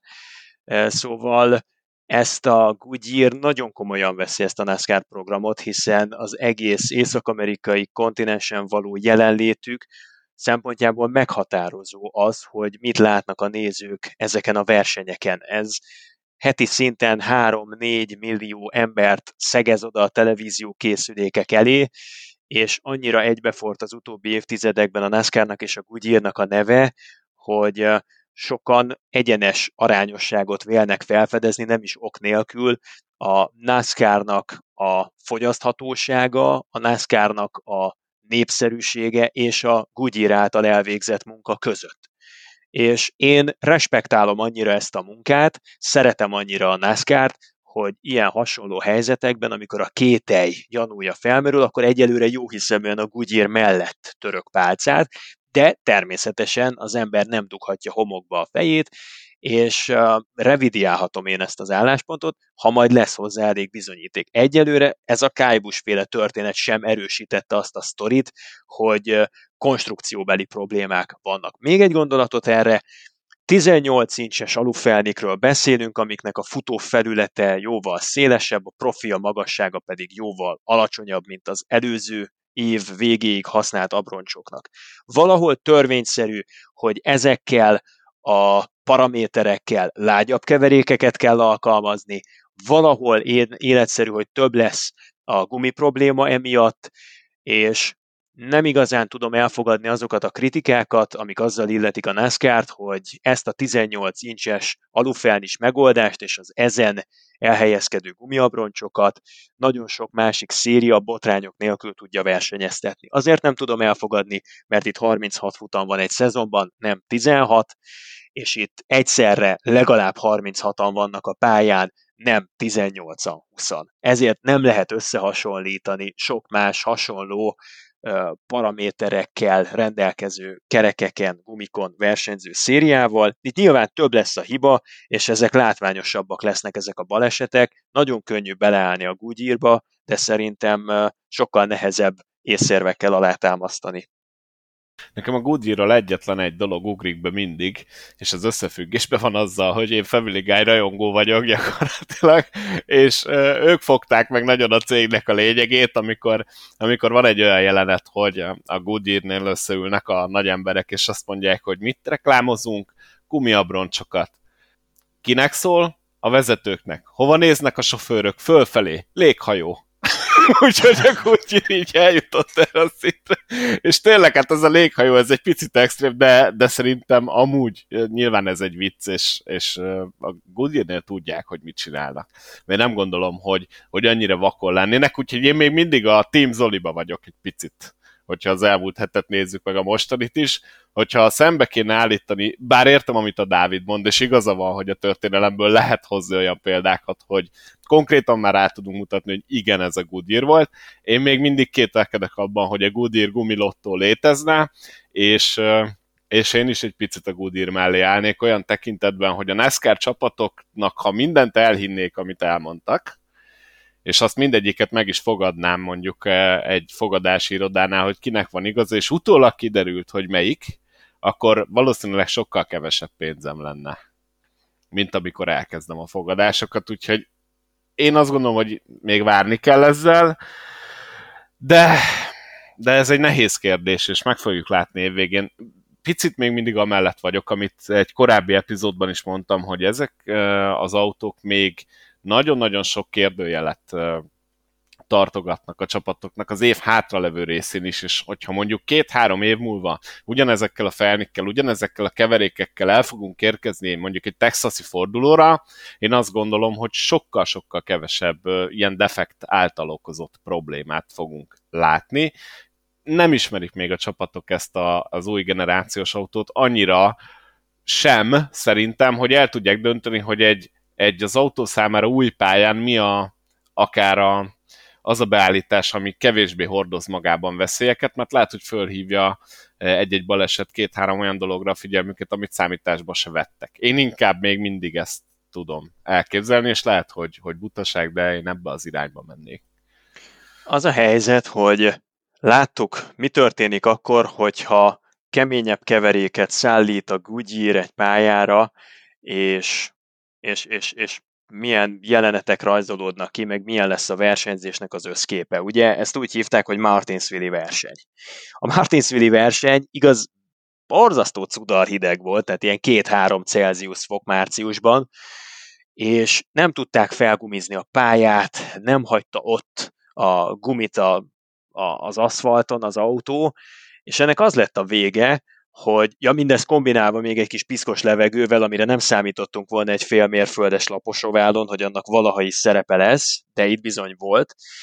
Tehát eh, az a fajta libasorozás, ami ott a Martinsville versenyt jellemezte a kezdetétől a végéig, az a fajta statikusság nagyon nehéz volt előzni, az megbocsáthatatlan bűn. Tehát mindent el kell követni szerintem annak érdekében, hogy az ne fordulhasson elő még egyszer, mert az év egyik legszórakoztatóbb versenyének kellett volna lenni egy Martinsville futamnak, és ehhez képest az év egyik leglaposabb versenye lett belőle, ott pedig a Goodyearnak szerintem a túl konzervatívan megválasztott gumikeverékét lehetett okolni. A másik meg nyilván az aero csomag, amit, amit nagyon nehéz lesz már megváltoztatni. És akkor ehhez képest most, ha azért kezdjük el támadni a Goodyear-t, mert lágyabb keverékeket is beszállít más pályákra, akkor nem is hagyjuk őket ezzel az új autóval keresgélni, utakat keresni, és, és kísérletezni. Hogyha, hogyha nem adjuk meg nekik itt ezekben a kétesélyes szituációkban azt a fajta jó hiszeműséget, hogy nem kell rögtön mindent a Goodyearnak a nyakába varni, akkor ha rögtön ebből számonkérés lesz, akkor nem fogunk tudni olyan utakat keresni, amelyek egyébként fejlesztenék ennek a hetedik generációs autónak a versenyezhetőségét. És ez nagy baj, hogyha itt tartunk, ha ennyire, ha ennyire szigorúak vagyunk, mert, mert szerintem az útkeresés vitte előre ezt a szakágat, és nagyrészt ezért tart ott, ahol tart. Egyébként pedig hozzáteszem halkan, Ryan Blaney nyerte a futamot és a vele járó 1 millió dollárt, illetve a pit csapatok versenyét pedig Joy Loganoék vitték el, és az azzal járó 100 ezer dollárt valószínűsítően szét fogják osztani ott ugye a, a szerelők között. Én összességében azt mondom, hogy nem volt egy kifejezetten jó verseny, de drámákkal azért nem szűkölködött a, a NASCAR ezen a hétvégén. Gondoljunk csak a befutóra, ahol ugyanis az fordult elő, hogy Ryan Blaney megkapta a fehér zászlót, és mivel az élen haladt, és át is haladt a célvonalon, és egy pillanatra elő is került a kockás, és joggal gondolhatta, hogy megnyerte ezt az All-Star részt, és leakasztotta az ablakon lévő védőhálót. Majd utána közölte a NASCAR, hogy nem, nem, itt ugye speciális szabály van érvényben, és majd kiavít a Zoli, hogyha esetleg rosszul mondok valamit, nem, nem, nincs vége a versenynek, még el fogjuk engedni a mezőnyt, ennek a futamnak muszáj, hogy zöld alatt érjen véget. Ryan Blaney pedig innentől semmi más nem tett, mint azzal küzdött, hogy ezt a védőhálót, amit ő leakasztott, visszaakassza, amiről tudni kell, hogy gyakorlatilag vezetés közben belülről az autóból ez egy lehetetlen feladat, nem sikerült Ryan Blaney-nek sem, ilyen tessék-lássék módszerrel gyakorlatilag így valahogy így beakasztott ezt az egészet, hogy hát ilyen magyarosan szólva jó van az úgy, erre nem, tudom, erre nem tudok más mondani, és aztán az újraindítás során ő így maradt a pályán, és így nyerte meg végül ezt az All-Star részt. Ugye Danny Hamlin elmondta, hogy bár ugye érdemek szerint Blaney-nek eh, kellett volna nyernie, de hát azért itt a NASCAR-nak közbe kellett volna szólni, és így, hogy nem hívták ki a Blaney-t, így gyakorlatilag belenyúltak a végeredménybe. Mind a két tábor elég népes, aki azt mondja, hogy nem, ez így jó volt, hogy nem szólt a NASCAR, és Blaney leengedett, hálóval is mehetett ezt a párkört, befejezhette, és megnyerhette az egymilliót, meg hát a másik tábor is népes, aki azt mondta, hogy hát nem, hát Blaney-t ki kellett volna hívni, és a gumikkal jól taktikázó Danny Hamlinnek kellett volna elvinni ezt a hétvégét. Azt magyarázzátok el nekem, hogy egy komplett csapat hogy nézheti be ezt a dolgot, hogy ugye a Penske is azt hitte, hogy tök jó vége van a versenynek, hisz a sárga zászló a fehér után jött, örültek, stb. stb. Nagyjából egy percig, utána pedig mindenki arcára küldött a döbbenet, hogy úristen, hát mégsem. És például Ricky Stenhouse-ék is uh, tudták ezt a szabályt, hogy itt a sárga zászló az még nem fogja véget vetni a, a vagy nem fog véget vetni a futamnak. Uh, ez hogy lehet? Ennyire egy, nem volt egyértelmű a közlés, nem volt egyértelmű a szabály, mi történt? Tényleg nem volt egyértelmű szerintem, mert még a versenyt megelőzően egy videót is levetített a pilóta értekezleten a NASCAR csapatoknak, és ott a videóban az szerepelt, hogy a hosszabbításos szabályrendszer az meg fog egyezni az utolsó szakasznak a végén, az átlagos versenyhétvégék lebonyolításával. Ami ugye ismerjük mindannyian arról szól, hogy amennyiben a fehér zászlót meglátja a verseny éllovasa, akkor az azt követő zászló leinti a versenyt. Hogyha nem jutunk el a fehér zászlóig, de lejárna a kiírt versenytáv, akkor pedig két körös próbálkozásokkal addig megyünk, amíg nem jön össze az az üdvös forgatókönyv, hogy meglengetik a zöld zászlót, elmennek egy kört, az éllovas meglátja a fehér zászlót, és azt követően a következő zászló véget vet a versenynek. Ha az első kör nem tiszta, nem jut el a fehér zászlóig az éllovas gond nélkül, akkor újra kell indítani, és ebből végtelen számú kísérlet van. Az All-Star versenyen ugye a szakaszok közepe táján, tehát ugye az egyes etapoknak, résztávoknak a részhajráira csak egyszeri hosszabbításos kísérleteket engedélyezett a NASCAR, és itt a végén mondták azt, hogy akkor a standard lebonyolítás szerint végtelen számú újraindítási lehetőség áll rendelkezésre. És ez volt az a része, ami megtévesztő volt a szabálynak, mert ugyan azt is kommunikálta a NASCAR, hogy a versenynek mindenképpen zöld zászló alatt kell véget érnie, de párhuzamosan élt a köztudatban ez a kétfajta megítélése az esetleges hosszabbításnak. És ez okozta szerintem a zavart, ez volt az, ami miatt Bléniék elkezdtek örülni, ez volt hangsúlyozva, ez az üzenet volt közölve a pilóta értekezleten, és nagyon nehezen tudná az ember hibáztatni Blénit azért, hogy előbb elkezdték ott ráncigálni előtt a kockázzászlót, mert azt lengetésnek nem nevezném, csak úgy kitették mutatóba, aztán gyorsan visszakapták, akkor jött egy sárga zászló rá, a csapatrádió mindenki ordított a fülébe, hogy megnyertük, megnyertük, megnyertük, és, és hát nyilván kihajította a védőhálót, mert, mert, mert konkrétan nem is volt magánál. Persze, hát hibázott Bléni ebben a szituációban, egy ilyen Darwin-díjas vereség lett volna, hogyha ennek köszönhetően megkapja a fekete zászlót. Azzal viszont én nagyon nem voltam kibékülve, tudjátok, hogy, hogy a NASCAR sem a fekete zászlót nem mutatta fel neki, sem pedig büntetlenül nem biztosított neki lehetőséget arra, hogy kijöjjön a pitródra, megigazítsák azt a vacakvédőhálót, és visszaálljon az érre. Tehát a kettő közül valamelyik döntésnek az ódiumát fel kellett volna vállalni a NASCAR-nak, mert ez a legrosszabb, hogy egy, egy, egy másfél mérföldes tempós oválpályán, egy hosszabbításban, ahol az esetek jelentős részében nagy baleset lehet, főleg egy olyan pályán, ahol hárman, négyen is bevetődhetnek egymás mellé az egyes-kettes kanyarban, szóval itt azért védőháló nélkül, vagy ilyen, ilyen cudarmódon felakasztott védőháló mögé tenni a versenyzőt, az nem éppen a, a biztonságnak a ne továbbja. Én egy olyan tweetet olvastam, és megmondom őszintén, nem tudom, hogy kinek a kommentje volt, de az volt a lényege, az volt leírva, hogy Ryan Blaney megmentette a NASCAR-t egy nagyon kínos magyarázkodástól. És szerintem a NASCAR-nál odafött nagyon-nagyon örültek, hogy Blaney nyert, és utólag bár mindenki foglalkozik vele, nyilván nincs olyan súlya, hogy arról lenne itt szó, hogy egy másik pilóta húzta volna be a futamot, és emiatt, meg amiatt a döntés miatt, szóval ezt az egész úgymond rágózást a témán, ezt, vagy rágódást a témán, ezt, ezt sikerült végül elkerülnie a szériának.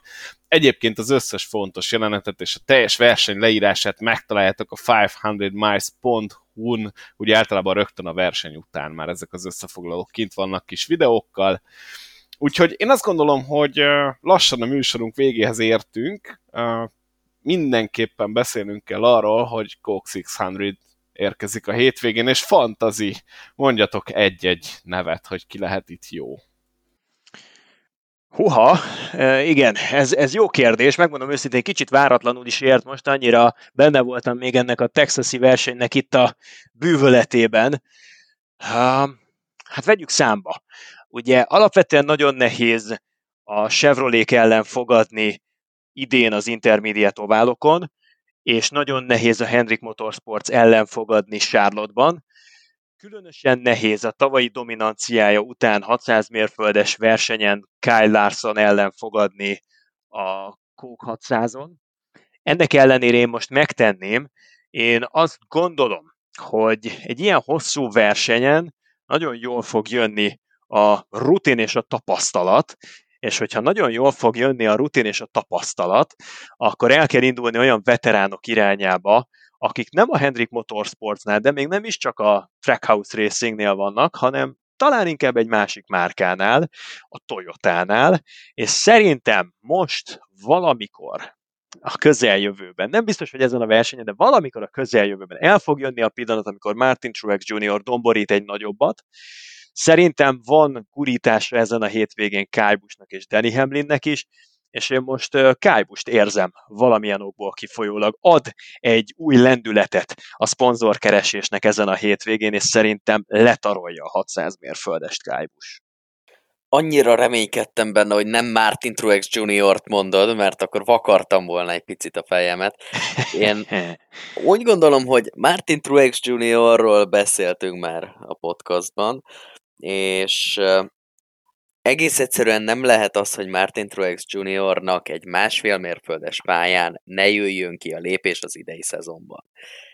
Charlotte-ban nyert már Martin Truex Jr., jól szokott menni, az idei szezonban, ahogy beszéltük, voltak már problémái, de hát itt vagyunk szép lassan az alapszakasz második felében, és Martin Truex Jr.-nak azért egy futamgyőzelem az mindenképpen kijárna. Többször mondtuk már az idei szezonban, hogy Martin Truex Jr. esélyes. A Toyoták azok jók lesznek, a Toyoták azok mindig jók szoktak lenni. Uh, Martin Truex Jr.-nak pedig, hogyha összejön ezúttal az, hogy a bal szerencse hullámot azt elkerülje, akkor mindenképpen harcban lehet a győzelemért, és én ezúttal a pikkemet mindenképpen ráteszem. Zoli, itt említetted, hogy nagyon nehéz a Hendrik és a Chevy ellen fogadni, én pedig nem is teszem meg. Úgyhogy én választottam egy olyan Hendrikest, aki szerintem lendületben van, és jó versenye lehet itt a Coke 600-on, ő pedig nem más, mint William Byron. Úgyhogy mivel én őt elég kevésszer használtam, úgymond, hát ez így nagyon csúnyán hangzik, hogy használtam, de tényleg ez történik, hogy ide a fantasyba berakjuk ugye a pilótákat. Én William Byron mondanám, aki, aki szerintem megnyerheti élete első Coke 600-et, és akár még sokat a hátra lévő karrierje során. Én nem fogadok a Hendrik ellen, Byron egyértelmű számomra, hogy Hendrikes kell berakni, és majd eldől, hogy kinek van igazát. Ugye menet közben már Zoli megelőztél itt, a, itt az összetetben, gyakorlatilag katasztrófát katasztrófára halmazok igen, itt igen. Hétre. Már múltkor is, amikor csináltuk a podcastet, kicsit sérelmeztem, hogy átvettem a vezetést, és egy árva szó nem hangzik el, de igen, igen, megérkeztem. Picit sokáig tartott a téli álom, de aztán itt tavasz közepére beindultunk. Ti hogy álltok egyébként még a nagy ágyuk szempontjából a, a felhasználási lehetőségekkel, mert én úgy próbáltam sáfárkodni a, a, a tipjeimmel, hogy nagyjából ketté osztottam az alapszakaszt, és az első 13 versenyig törekedtem arra, hogy az igazán nagy ágyukat ne használjam ötnél többször, úgyhogy így ketté van osztva, és elméletileg kibalanszoltam az alapszakaszt. Nem tudom, hogy hogy, hogy esetleg nézitek-e az élmezőnyt, ki hogy áll a nagy ágyukkal, ki az, aki nagyon sokat eltűzelt belőlük, meg ki az, aki, aki teljes mértékben tartalékolt, és nyáron agyon fog minket nyakalni hátulról. Én, én úgy tudom, hogy a Dáviddal mi nagyon jól. Egyébként Dávidnak sajnos lassan indulnia kell, és nem baj, hogyha jelzett, hogy mikor elengedünk természetesen, mert itt azért szépen. egy nagyon pici idő 500-at is dumálunk, úgyhogy szóljál, hogy akkor, mikor van a pillanat. Akkor ezt a kis kérdést, ezt én megválaszolnám így gyorsan. Jó. Én nagyon jól állok. Tehát nekem a Kyle Larson féle tartalékolás volt az egyik taktikám, a másik taktikám a William Byron féle tartalékolás volt, a harmadik pedig a Joe Gibbsesek pihentetése. Ez eddig úgy nagyjából bejött, amikor pedig beraktam őket a fantaziba, akkor hát sikerült összetörniük magukat, úgyhogy igazából tök fölöslegesen, de egyébként jól, jól állunk, jól állunk. És akkor én most meg is ragadnám az alkalmat, hogy elköszönjek mindenkitől, úgyhogy további jó szórakozást! Hello, hello, szia, szia Dávid! Sajnos ez, ez a mostani podcast felvétel ez nem volt zöggenőmentes, és egy nagyon késői órában vagyunk már. Úgyhogy még egy pár perc tényleg nekünk is, aztán, aztán mi is lécelünk, úgymond. Én is nagyon jól. Tehát, hogyha visszakanyarodok a kérdésre, nagyon jól, sőt, túl jól. Azt kell mondjam, hogy a legtöbbet használt pilótám az Colcaster. De jó hozzá... Isten! és akkor szerintem ezzel elmondtam mindent. A, Ez sok mindent a... megmagyaráz. Ugye? A topba van még a nagyon sok használatlistán Christopher Bell, okay. például Chase Briscoe, Tyler Reddick, tehát hogy ők azok, akiket nagyon előttem, hogy mondjak így neveket, például Ross chastain egyetlen egy alkalommal használtam föl, azt hiszem talán pont az egyik győzelménél. De miért? Tehát nem győzött meg, amit eddig láttál tőle, mondjuk úgy... Tartalékoló. Hát tartalékoló, értem. Na de ez például érdekes, hogy Christopher Bell sokat használtad. Én Christopher Bellnél úgy gondolkodom, hogy neki a rótpályákon lesz esélye. És az alapszakasz vége az eléggé rótpálya heavy, és ott szerintem nagyon jól fog jönni nekem, vagy legalábbis remélem, hogy nagyon jól fog jönni nekem egy kis Christopher Bell, akár egy kis Chase Briscoe, Ross Chastain az nyilván rótpályás menő, tehát azt meg tudom érteni, hogy tartalékoltál, de Bell még ott lehet, hogy neked hiányozni fog. Tartalékolás alatt azt kell érteni, hogy azt hiszem, hogy még hatszor betehetem. Belt ja, is. Okay. Úgyhogy én nagyon így elosztottam nálam. A, nincs is olyan pilóta, aki hatnál kevesebb lenne. Tehát Aha. én nagyon-nagyon szétosztottam. Én most az elmúlt pár hétben voltam úgy, hogy jó, akkor elkezdem bedobálni a nagy ágyukat, mert Kyle Larson 8 per 10 állt, tehát hogy így, így 8 alatt se nagyon volt senki, csak Colcaster például, aki szerintem azért nem annyira fog ki. És ő is haton van, tehát hogyha esetleg magára talál a Stuart House, akkor Harvickból, Casterből, Briscoe-ból is még van bőven. Ettől nem félek, hogy ezeket elhasználnád a 26 verseny végére.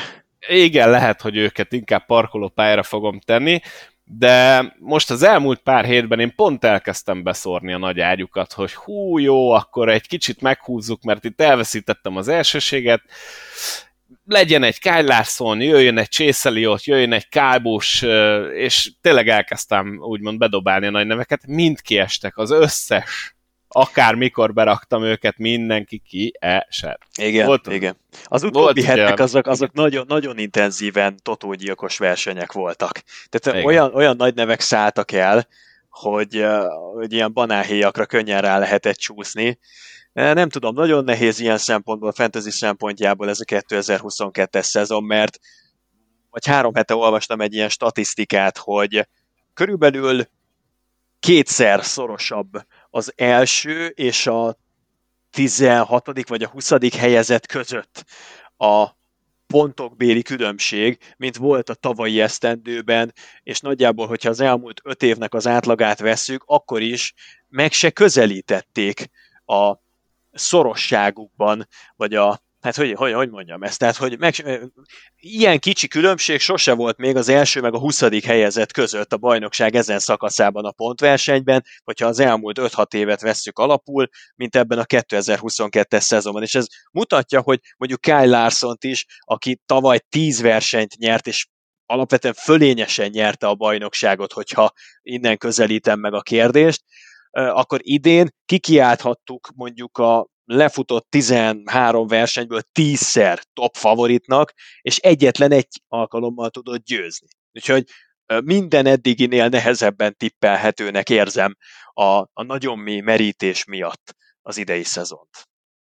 Igen, ez így van. Hát mindegy, van patron bőven, majd ellövöldözgetem, de az a baj, hogy onnantól, hogy pont megfogalmaztam, hogy jó, bele kéne húzni, mert még első vagyok, de, de egy kicsit el kéne húzni, és elkezdtem bedobálni a nagy neveket a helyet, hogy idézőjelben a kisebb nevekkel játszani, onnantól katasztrófa fantazim, tehát az elmúlt három-négy hét, amikor szórtam be Chase Elliotokat, a Kyle Larsonokat, azóta teljes katasztrófa, úgyhogy még az is lehet, hogy vissza kéne állnom és, és kiderül, hogy, hogy, hogy teljesen rosszul taktikáztam, de van patron, tényleg van patron, úgyhogy meglátjuk. Hát jó lenne, hogyha elkezdene jönni picit a papírforma, az az én fantazimnak elég sokat tudna segíteni. Volt itt amúgy, amúgy ha még egy másodperc erejéig az osztárra megengedett, hogy visszakanyarodjak.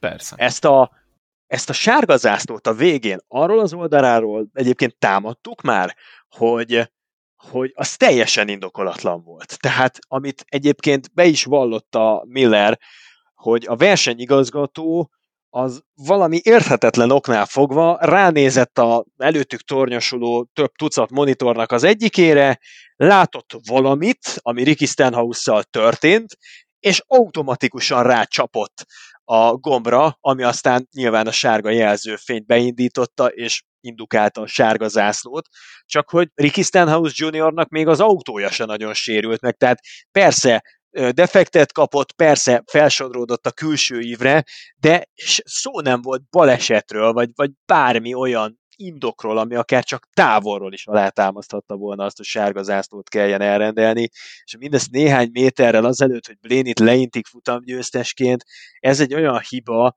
a NASCAR-tól, és sajnos már nem az első az elmúlt másfél évben.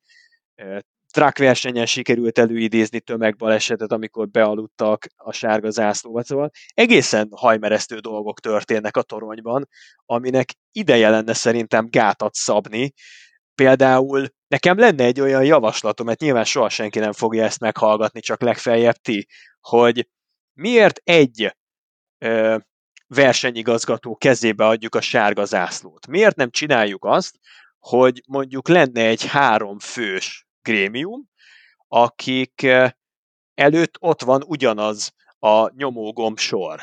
és hogyha a háromból ketten rácsapnak a sárgára, akkor legyen sárga zászló. Akkor elkerülhetnénk ezt, amikor valaki nyilván legjobb szándékkal próbál egy jó döntést hozni, és próbál megelőzni baleseteket, de emberek vagyunk, tévedünk, hosszú a verseny, hadd ne soroljam, elkövet egy hibát, és ilyen következményei vannak, hogy 11%-ot ér el a Jeff Gluck féle szavazásban, a jó verseny volt a szavazásban, a jó verseny volt válasznak az aránya. Én egyetértek veled, abszolút. Szerintem jöhet. Az a baj, hogy nem mi döntünk, de, de igen, ez hát a igen. probléma. Ez olyan, mint síugrásban is, vagy műugrásban is kiesik a legszigorúbb, meg a legenyhébb szívű bírónak a pontszáma, és akkor csak egy ilyen módusz medián marad bent. Itt is jó lenne, hogyha ezeket a szélsőségeket egy kicsit kiküszöbölnénk. Nem hiszem el, hogy olyan nagy truváj lenne egy ilyen nyomógombos dobozt három konzollal kialakítani, mint amit én most itt felvázoltam. Hát igen, ez majd a NASCAR problémája lesz, én abszolút értem a megközelítésedet, és egyet is értek. És nem is tudok hozzátenni, mert igen, ez egy, ez egy jó ötlet. Ezt lehetne csinálni. Csak, csak gondolkodtam. hát, ha egyszer majd lefordítják ezt a podcastet akár angolra, és eljutsz, hogy de jó ötlet. Hogyne, igen, igen. Soha nem mondtad soha. És képzeld el, még talán az érdekes lehet, ma volt szerencsém bent ülni Ryan Blaney-nek az interjúján, és mondott egy pár érdekes dolgot erről az All-Star versenyről. Az egyik, amit mondott, az az volt, hogy Kérdezték tőle az újságírók, hogy mi lesz ezzel a védőhálóval, ami annyi borsot tört az orra alá, és állítólag Bléni meg fogja ezt szerezni, már a csapat odaígérte neki, úgyhogy keres is otthon valami nagyon jó helyet, ahova kiakaszthatja így mementóul, és ugye a NASCAR is behívta Blénit, és elbeszélgettek vele, hogy ezt a védőháló dolgot egy picit azért konzervatívabban kellene kezelni a versenyek végén a folytatásban, szerintem nem kell majd neki kétszer mondani ezek után. És volt még egy nagyon érdekes része ennek az interjúnak, megkérdezték arról Ryan Blénit, hogy mi okozhatta ezt a fajta libasorozást, miért nem igazán működtek több íven a versenyautók Texasban, és ő mondott egy nagyon érdekes dolgot. Azt mondta, hogy ennek az új autónak az az egyik rákfenéje, amin szerintem még valamelyest gyúrni kellene, hogy a piszkos levegőn annyira alulkormányzott a kocsid, annyira kevés levegő jut az autónak a splitterére, és ennek megfelelően annyira kicsi lesz a leszorító erő, hogy forgalomban csak egy a túlkormányzottság irányába radikálisan eltolt beállítással lehetsz gyors. Ezzel tudod ugyanis valamelyest ellensúlyozni azt, hogy nem kap levegőt az autó, és nincsen elég leszorító erő. Hogyha a túlkormányzottság felé viszed el a kocsidat, akkor ezt valamelyest tudod ellensúlyozni.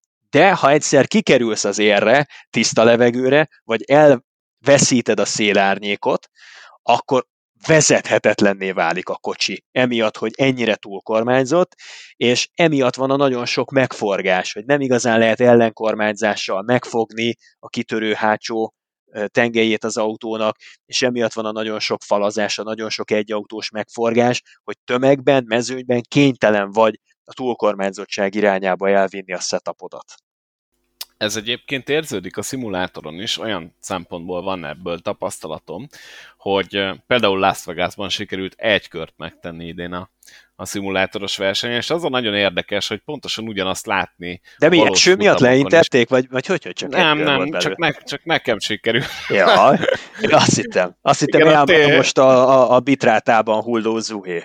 Nem, nem, sajnos a T4-ben megúszott az autó, ugyanis nálunk is ez a túlkormányzott beállítás volt a kocsira húzva, és az a nagyon érdekes, hogy mezőnyben valóban jól működik, de amikor egyedül mész, akkor óriási változást idéz elő, és egy kanyar alatt, vagy egy fél egyenes alatt át kell állni fejben, hogy akkor ezt most nem így fordítom be, mint az előbb, ahogy mentem a tömeg mögött, hanem egészen más íven kell megkezdeni, és sokkal-sokkal konzervatívabb kormánymozdulatokkal tudod csak abszorválni ugyanazt a kanyart, és ez az, ami az én agyam még nem jutott el, nem volt egész egyszerűen elég tapasztalatom még Vegasban ezzel az új kocsival, és az történik ilyenkor, hogy e, megcsinálod először a picit nagyobb, nem kell sokkal, egy picit nagyobb kormánymozdulatot, és egész egyszerűen elúszik a hátuljad. De nem úgy, mint a Gen 6-nek, hogy ilyen foghatóan, egy picit ellenkormányozva meg tudod tartani a hátulját. Itt teljesen drasztikusan történik, tehát, mint hogyha jégre raknád, totál elúszik, és amint ellenkormányzol, a nagyobb felület miatt azonnal betapad, viszont akkor már nem a jó irányba állnak Igen. az első kerekek, és kifelé csap, igen, igen, és kifelé csapodsz, ez az overcorrect. Igen. az angol kifejezésre, és nem tudsz, nem tudsz más csinálni az autóval. Tehát ha ezt a mozdulatot megcsináltad, akkor vége. Nem tudsz visszajönni belőle, és ez az, amit a pilóták is elmondtak, és jó magam is éreztem, és még az az öt versenyző is, aki megérkezett abba a kanyarba mögöttem, akiktől ezúttal is elnézést, de ott a félmezőt kiszedtem. Azt kidönti el egyébként, hogy egy ilyen versenyen milyenek legyenek a körülmények. Tehát gondolom ott is a hőmérsékletre kell reagálni, arra, hogy a napsugárzás az, az felmelegíti a pályának a hőmérsékletét, vagy, vagy nem tesz hozzá. Ez mikor dől el? Bejelentik -e előre? Kihatározza meg, hogy milyenek legyenek az időjárási viszonyok, illetve illetve ez, ez alkalmazkodik-e mondjuk az adott heti időjárás előrejelzéshez azon a helyszínen, ahol éppen aktuálisan vir- virtuálisan versenyeztek.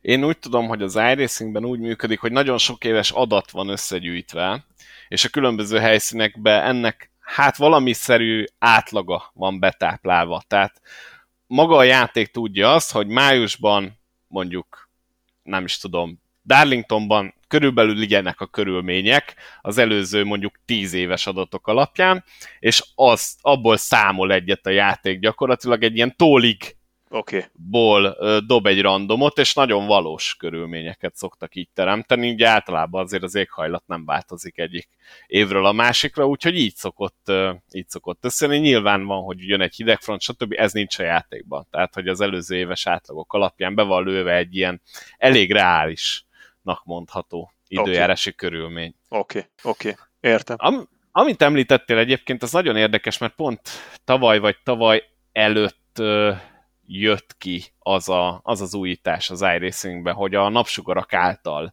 melegített aszfalt több rétegben számolódik, tehát nagyon szépen meg van csinálva, hogy a, az autózott íveknek milyen a hőmérséklete, és hogy a mélységében a pálya hogy melegszik át. Tehát, hogyha jön egy felhő, akkor nem hűl vissza azonnal drasztikusan, mint a korábbi években, és szerintem ez is az egyik oka, hogy a NASCAR csapatok elkezdték komolyabban használni magát az iRacinget, hanem szépen rétegeiben számol az aszfalt egy bizonyos mélységig, tehát hogyha mondjuk egész nap tűzte a nap a pályát, akkor az egy elég mélyen át van melegedve, és egy felhő nem fogja megbolygatni, csak sokkal kevesebb mértékben, hiszen alulról ugyanúgy kapja a meleget, ezt már tudja a szoftver, tehát ez bele van táplálva. Az idei beállítások pedig igencsak realisztikusak. Martinsville-ben nekünk sem kopott a gumi, csak hogy egy példát mondjak, tehát gyakorlatilag minden vasárnap azt látom, amit én amúgy szombaton általában, de néha szerdán lefutok, hogy úgy körülbelül azokat az íveket használják, és volt egy nagyon érdekes futam, ahol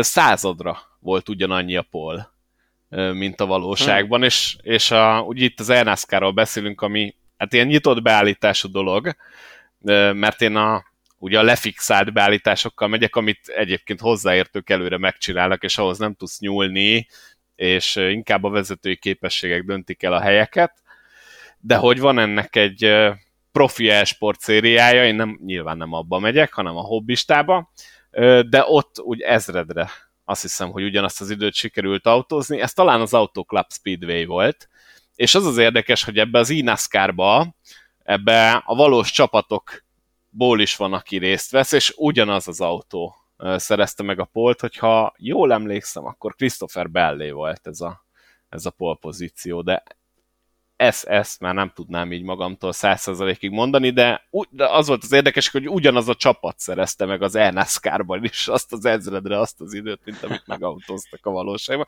Úgyhogy nagyon-nagyon elkezdték az iRacing-et használni, és ilyen szempontból szét is van fejlesztve az egész, tehát igencsak valósak a körülmények. A gumikopás is, annyi, hogy ezek a defekt uh, szintű problémák, ezek nem jönnek elő ennyire durván a szimulátorban, de lehet defektet kapni itt is bőven. Értem. Na de hogyha te nem felügyeled a beállításokat, mert ezek szerint azt készen kapja mindenki, vagy, vagy rosszul értettem? Abban mondtál? a szériában, ahol én megyek, ott készen Igen. kapja mindenki, Igen. de van olyan is, ahol te megcsináltad magadnak. Igen, na de akkor abban a szériában, ahol mész, ott pusztán a, az autónak a kezelése, a te vezetői stílusod az, ami defektet tud indukálni, mert a beállítások azok azonosak, tehát vagy mindenki defektet kap, vagy senki, de akkor Igen. ezek szerint csak a vezetői stílus határozza meg már onnantól kezdve a defektek gyakoriságát. Igen, és idén már kaptam is defektet.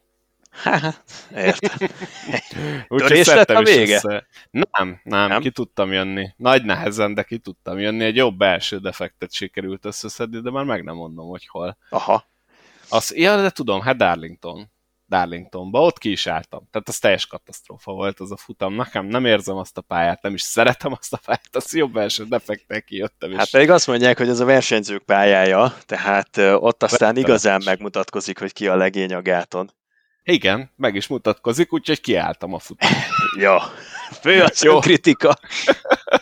Igen, egyébként az abszolút így van, tehát hogyha valahol nagyon-nagyon-nagyon pontosan kell menni, az Darlington. De hozzátartozik az igazsághoz, hogy 11 óra 57-kor keltem föl, és ez a verseny 12-kor már indult, úgyhogy egy picit elaludtam, úgyhogy úgy ültem be, hogy még így a, nagyjából az energiaitalomat szürcsölgetve próbáltam így a csipát kitörölgetni szemeimből, és hát ez Darlington ezzel annyira nem kompatibilis.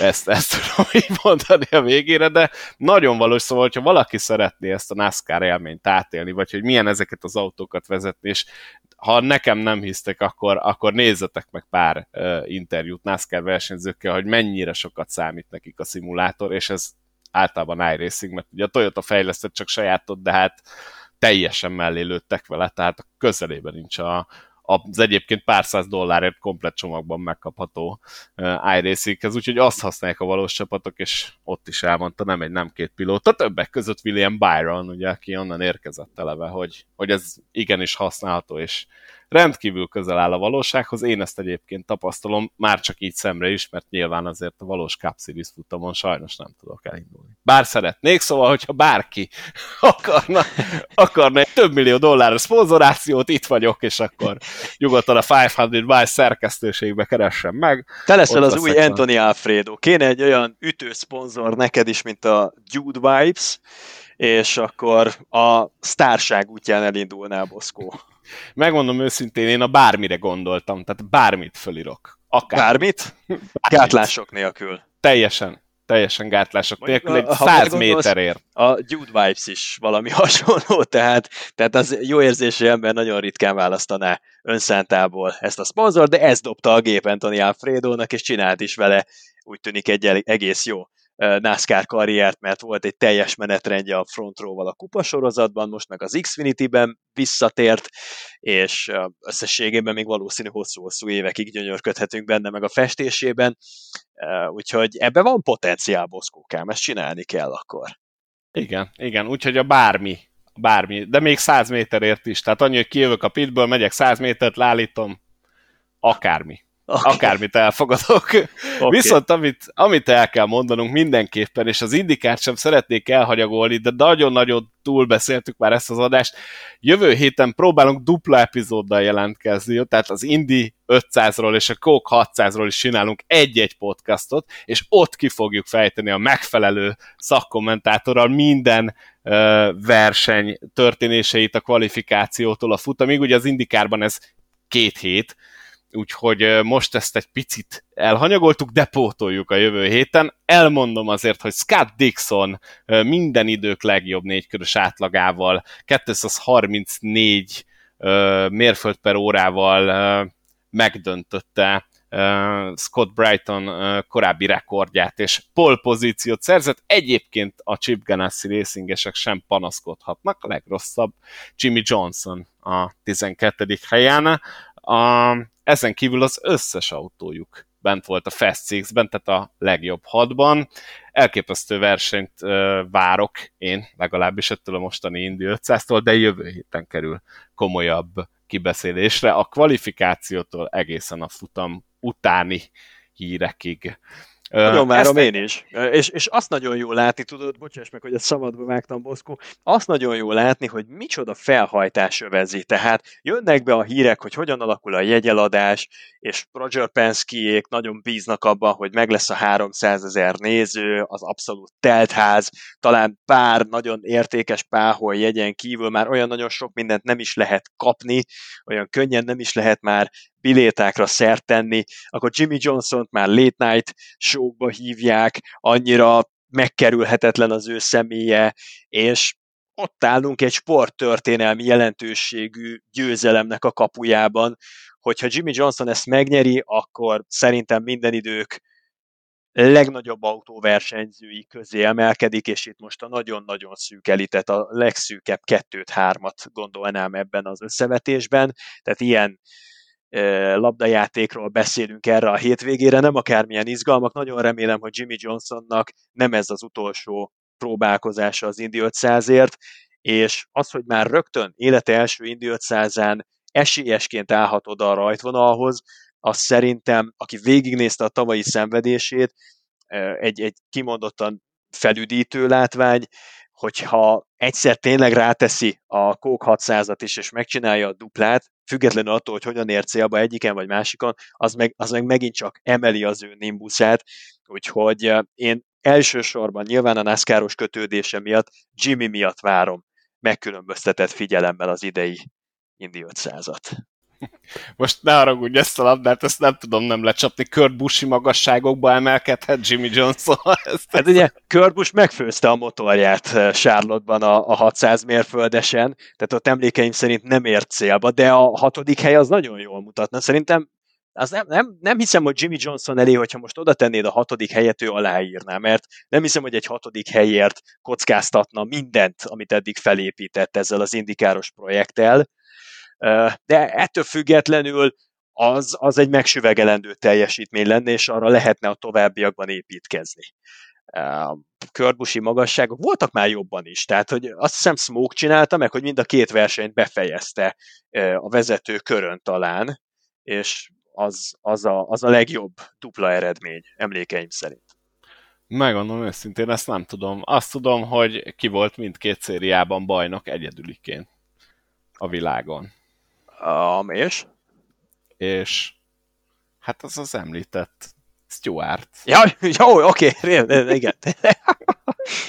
Ugye nyert Indikár bajnokságot is, és nyert NASCAR-t is. Igen, igen. Úgyhogy... Hát, a régi azért, szép idők. Igen.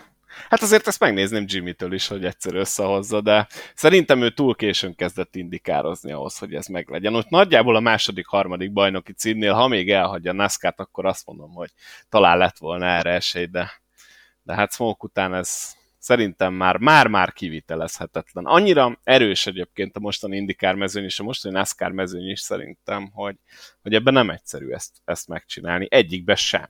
És nagyon jót tett az indikának, hogy Roger Penske mögé állt, és azt gondolom, hogy ez a felhajtás, ami az idei futam előtt övezi az egészet, ez, ez nagyban köszönhető annak, hogy Penske beízította azokat a szálakat, amik neki rendelkezésre álltak, és igen-igen jó kezekbe került az egész indikár, és az egész Indianapolis pálya, mert hogy ugye azt is birtokolja Penske. Igen, és szerencsére most reneszánszát éli az autóversenyzés, nagyon sok okból kifolyólag, olyan népszerűségi adatokat, meg nézettségi adatokat produkálnak a különféle szériák, amikre jó ránézni, nem lesz kivétel ez alól a mostani hétvéges sem. Igazi ünnep, szerintem nagyon sok programot nem szabad vasárnapra tervezni, tehát eh, végignézzük az Indi 500-at, aztán még 600 mérföldet le tudunk éjféltől Sárdotban, ennél jobb szórakozást nem nagyon tudok elképzelni vasárnap estére éjszakára. Igen, és ha kitekintünk az amerikai autósportokból egy picit, akkor délután pedig a Forma 1 a monakói nagy díját lehet megnézni, úgyhogy igen, hát vasárnapra nagyjából hideg élelem, sok folyadék legyen bekészítve mindenkinél, és gyakorlatilag délutántól hát reggelig egy jó kis szabadsággal lehet abszorválni. Ó, hát igen. Ha még, ha még valaki ilyen csókos is, hogy szabadságot tud kivenni, az mindenképpen ragadja meg az esélyt. Igen, rajta leszek. Én, én mindenképpen próbálok, hát ezt nem lehet másnap dolgozni ezután, tehát ez, ez, ez embertelen, ami Azt csodálom, jön. hogy nem az egész hetet veszed ki utána. Hát én is azt csodálom, megmondom mert amennyi cikkit ránk vár, a 500 miles is az, az valószínűleg nem kis mennyiség lesz. Füstölni No, de ez- fognak a számítógépek a szerkesztőségetekben. Az biztos, az biztos, mindegyikben. Ezt az Indi 500-at egyébként, amely szám szerint a 106 vasárnap 18 óra 10 perctől az Arena 4 és az Arena 4 plusz műsorán egyaránt meg lehet tekinteni, ugye felvezető műsorral együtt Baski Dávidék fogják ezt közvetíteni, és a rajtot körülbelül 45-kor, tehát óra 45-kor fogják belengetni, míg a NASCAR vasárnap éjfélkor. Ez egy dilemma volt, hogy most ez vasárnap éjfél, vagy hétfő éjfél. Mert Vasárnapról hétfőre virradó éjfél. Mit szól? nagyon jól megoldotta, tökéletes. Arena 4, vagy plusz, vagy mindkettő. Én úgy tudom, hogy mind a kettő. Akkor itt is duplázunk, tehát akkor az Arena 4 és az Arena 4 plusz műsorán mára elbúcsúzunk tőletek, mert nagyon-nagyon hosszúra nyúlt ez az adás. Köszönjük szépen, hogy itt voltatok, és akkor jövő héten, ha minden igaz, akkor dupla epizóddal várunk titeket, tehát lesz egy Indi 500, ha minden jól megy a Baski Dávid kollégával, és lesz egy Kók 600 Zolival. Úgyhogy mind a kettőt a megfelelő szakkommentátor megkaparintásával hozzuk el nektek. Jók legyetek, köszönjük szépen, hogy itt voltatok, szevasztok, hello, hello. Köszi, sziasztok!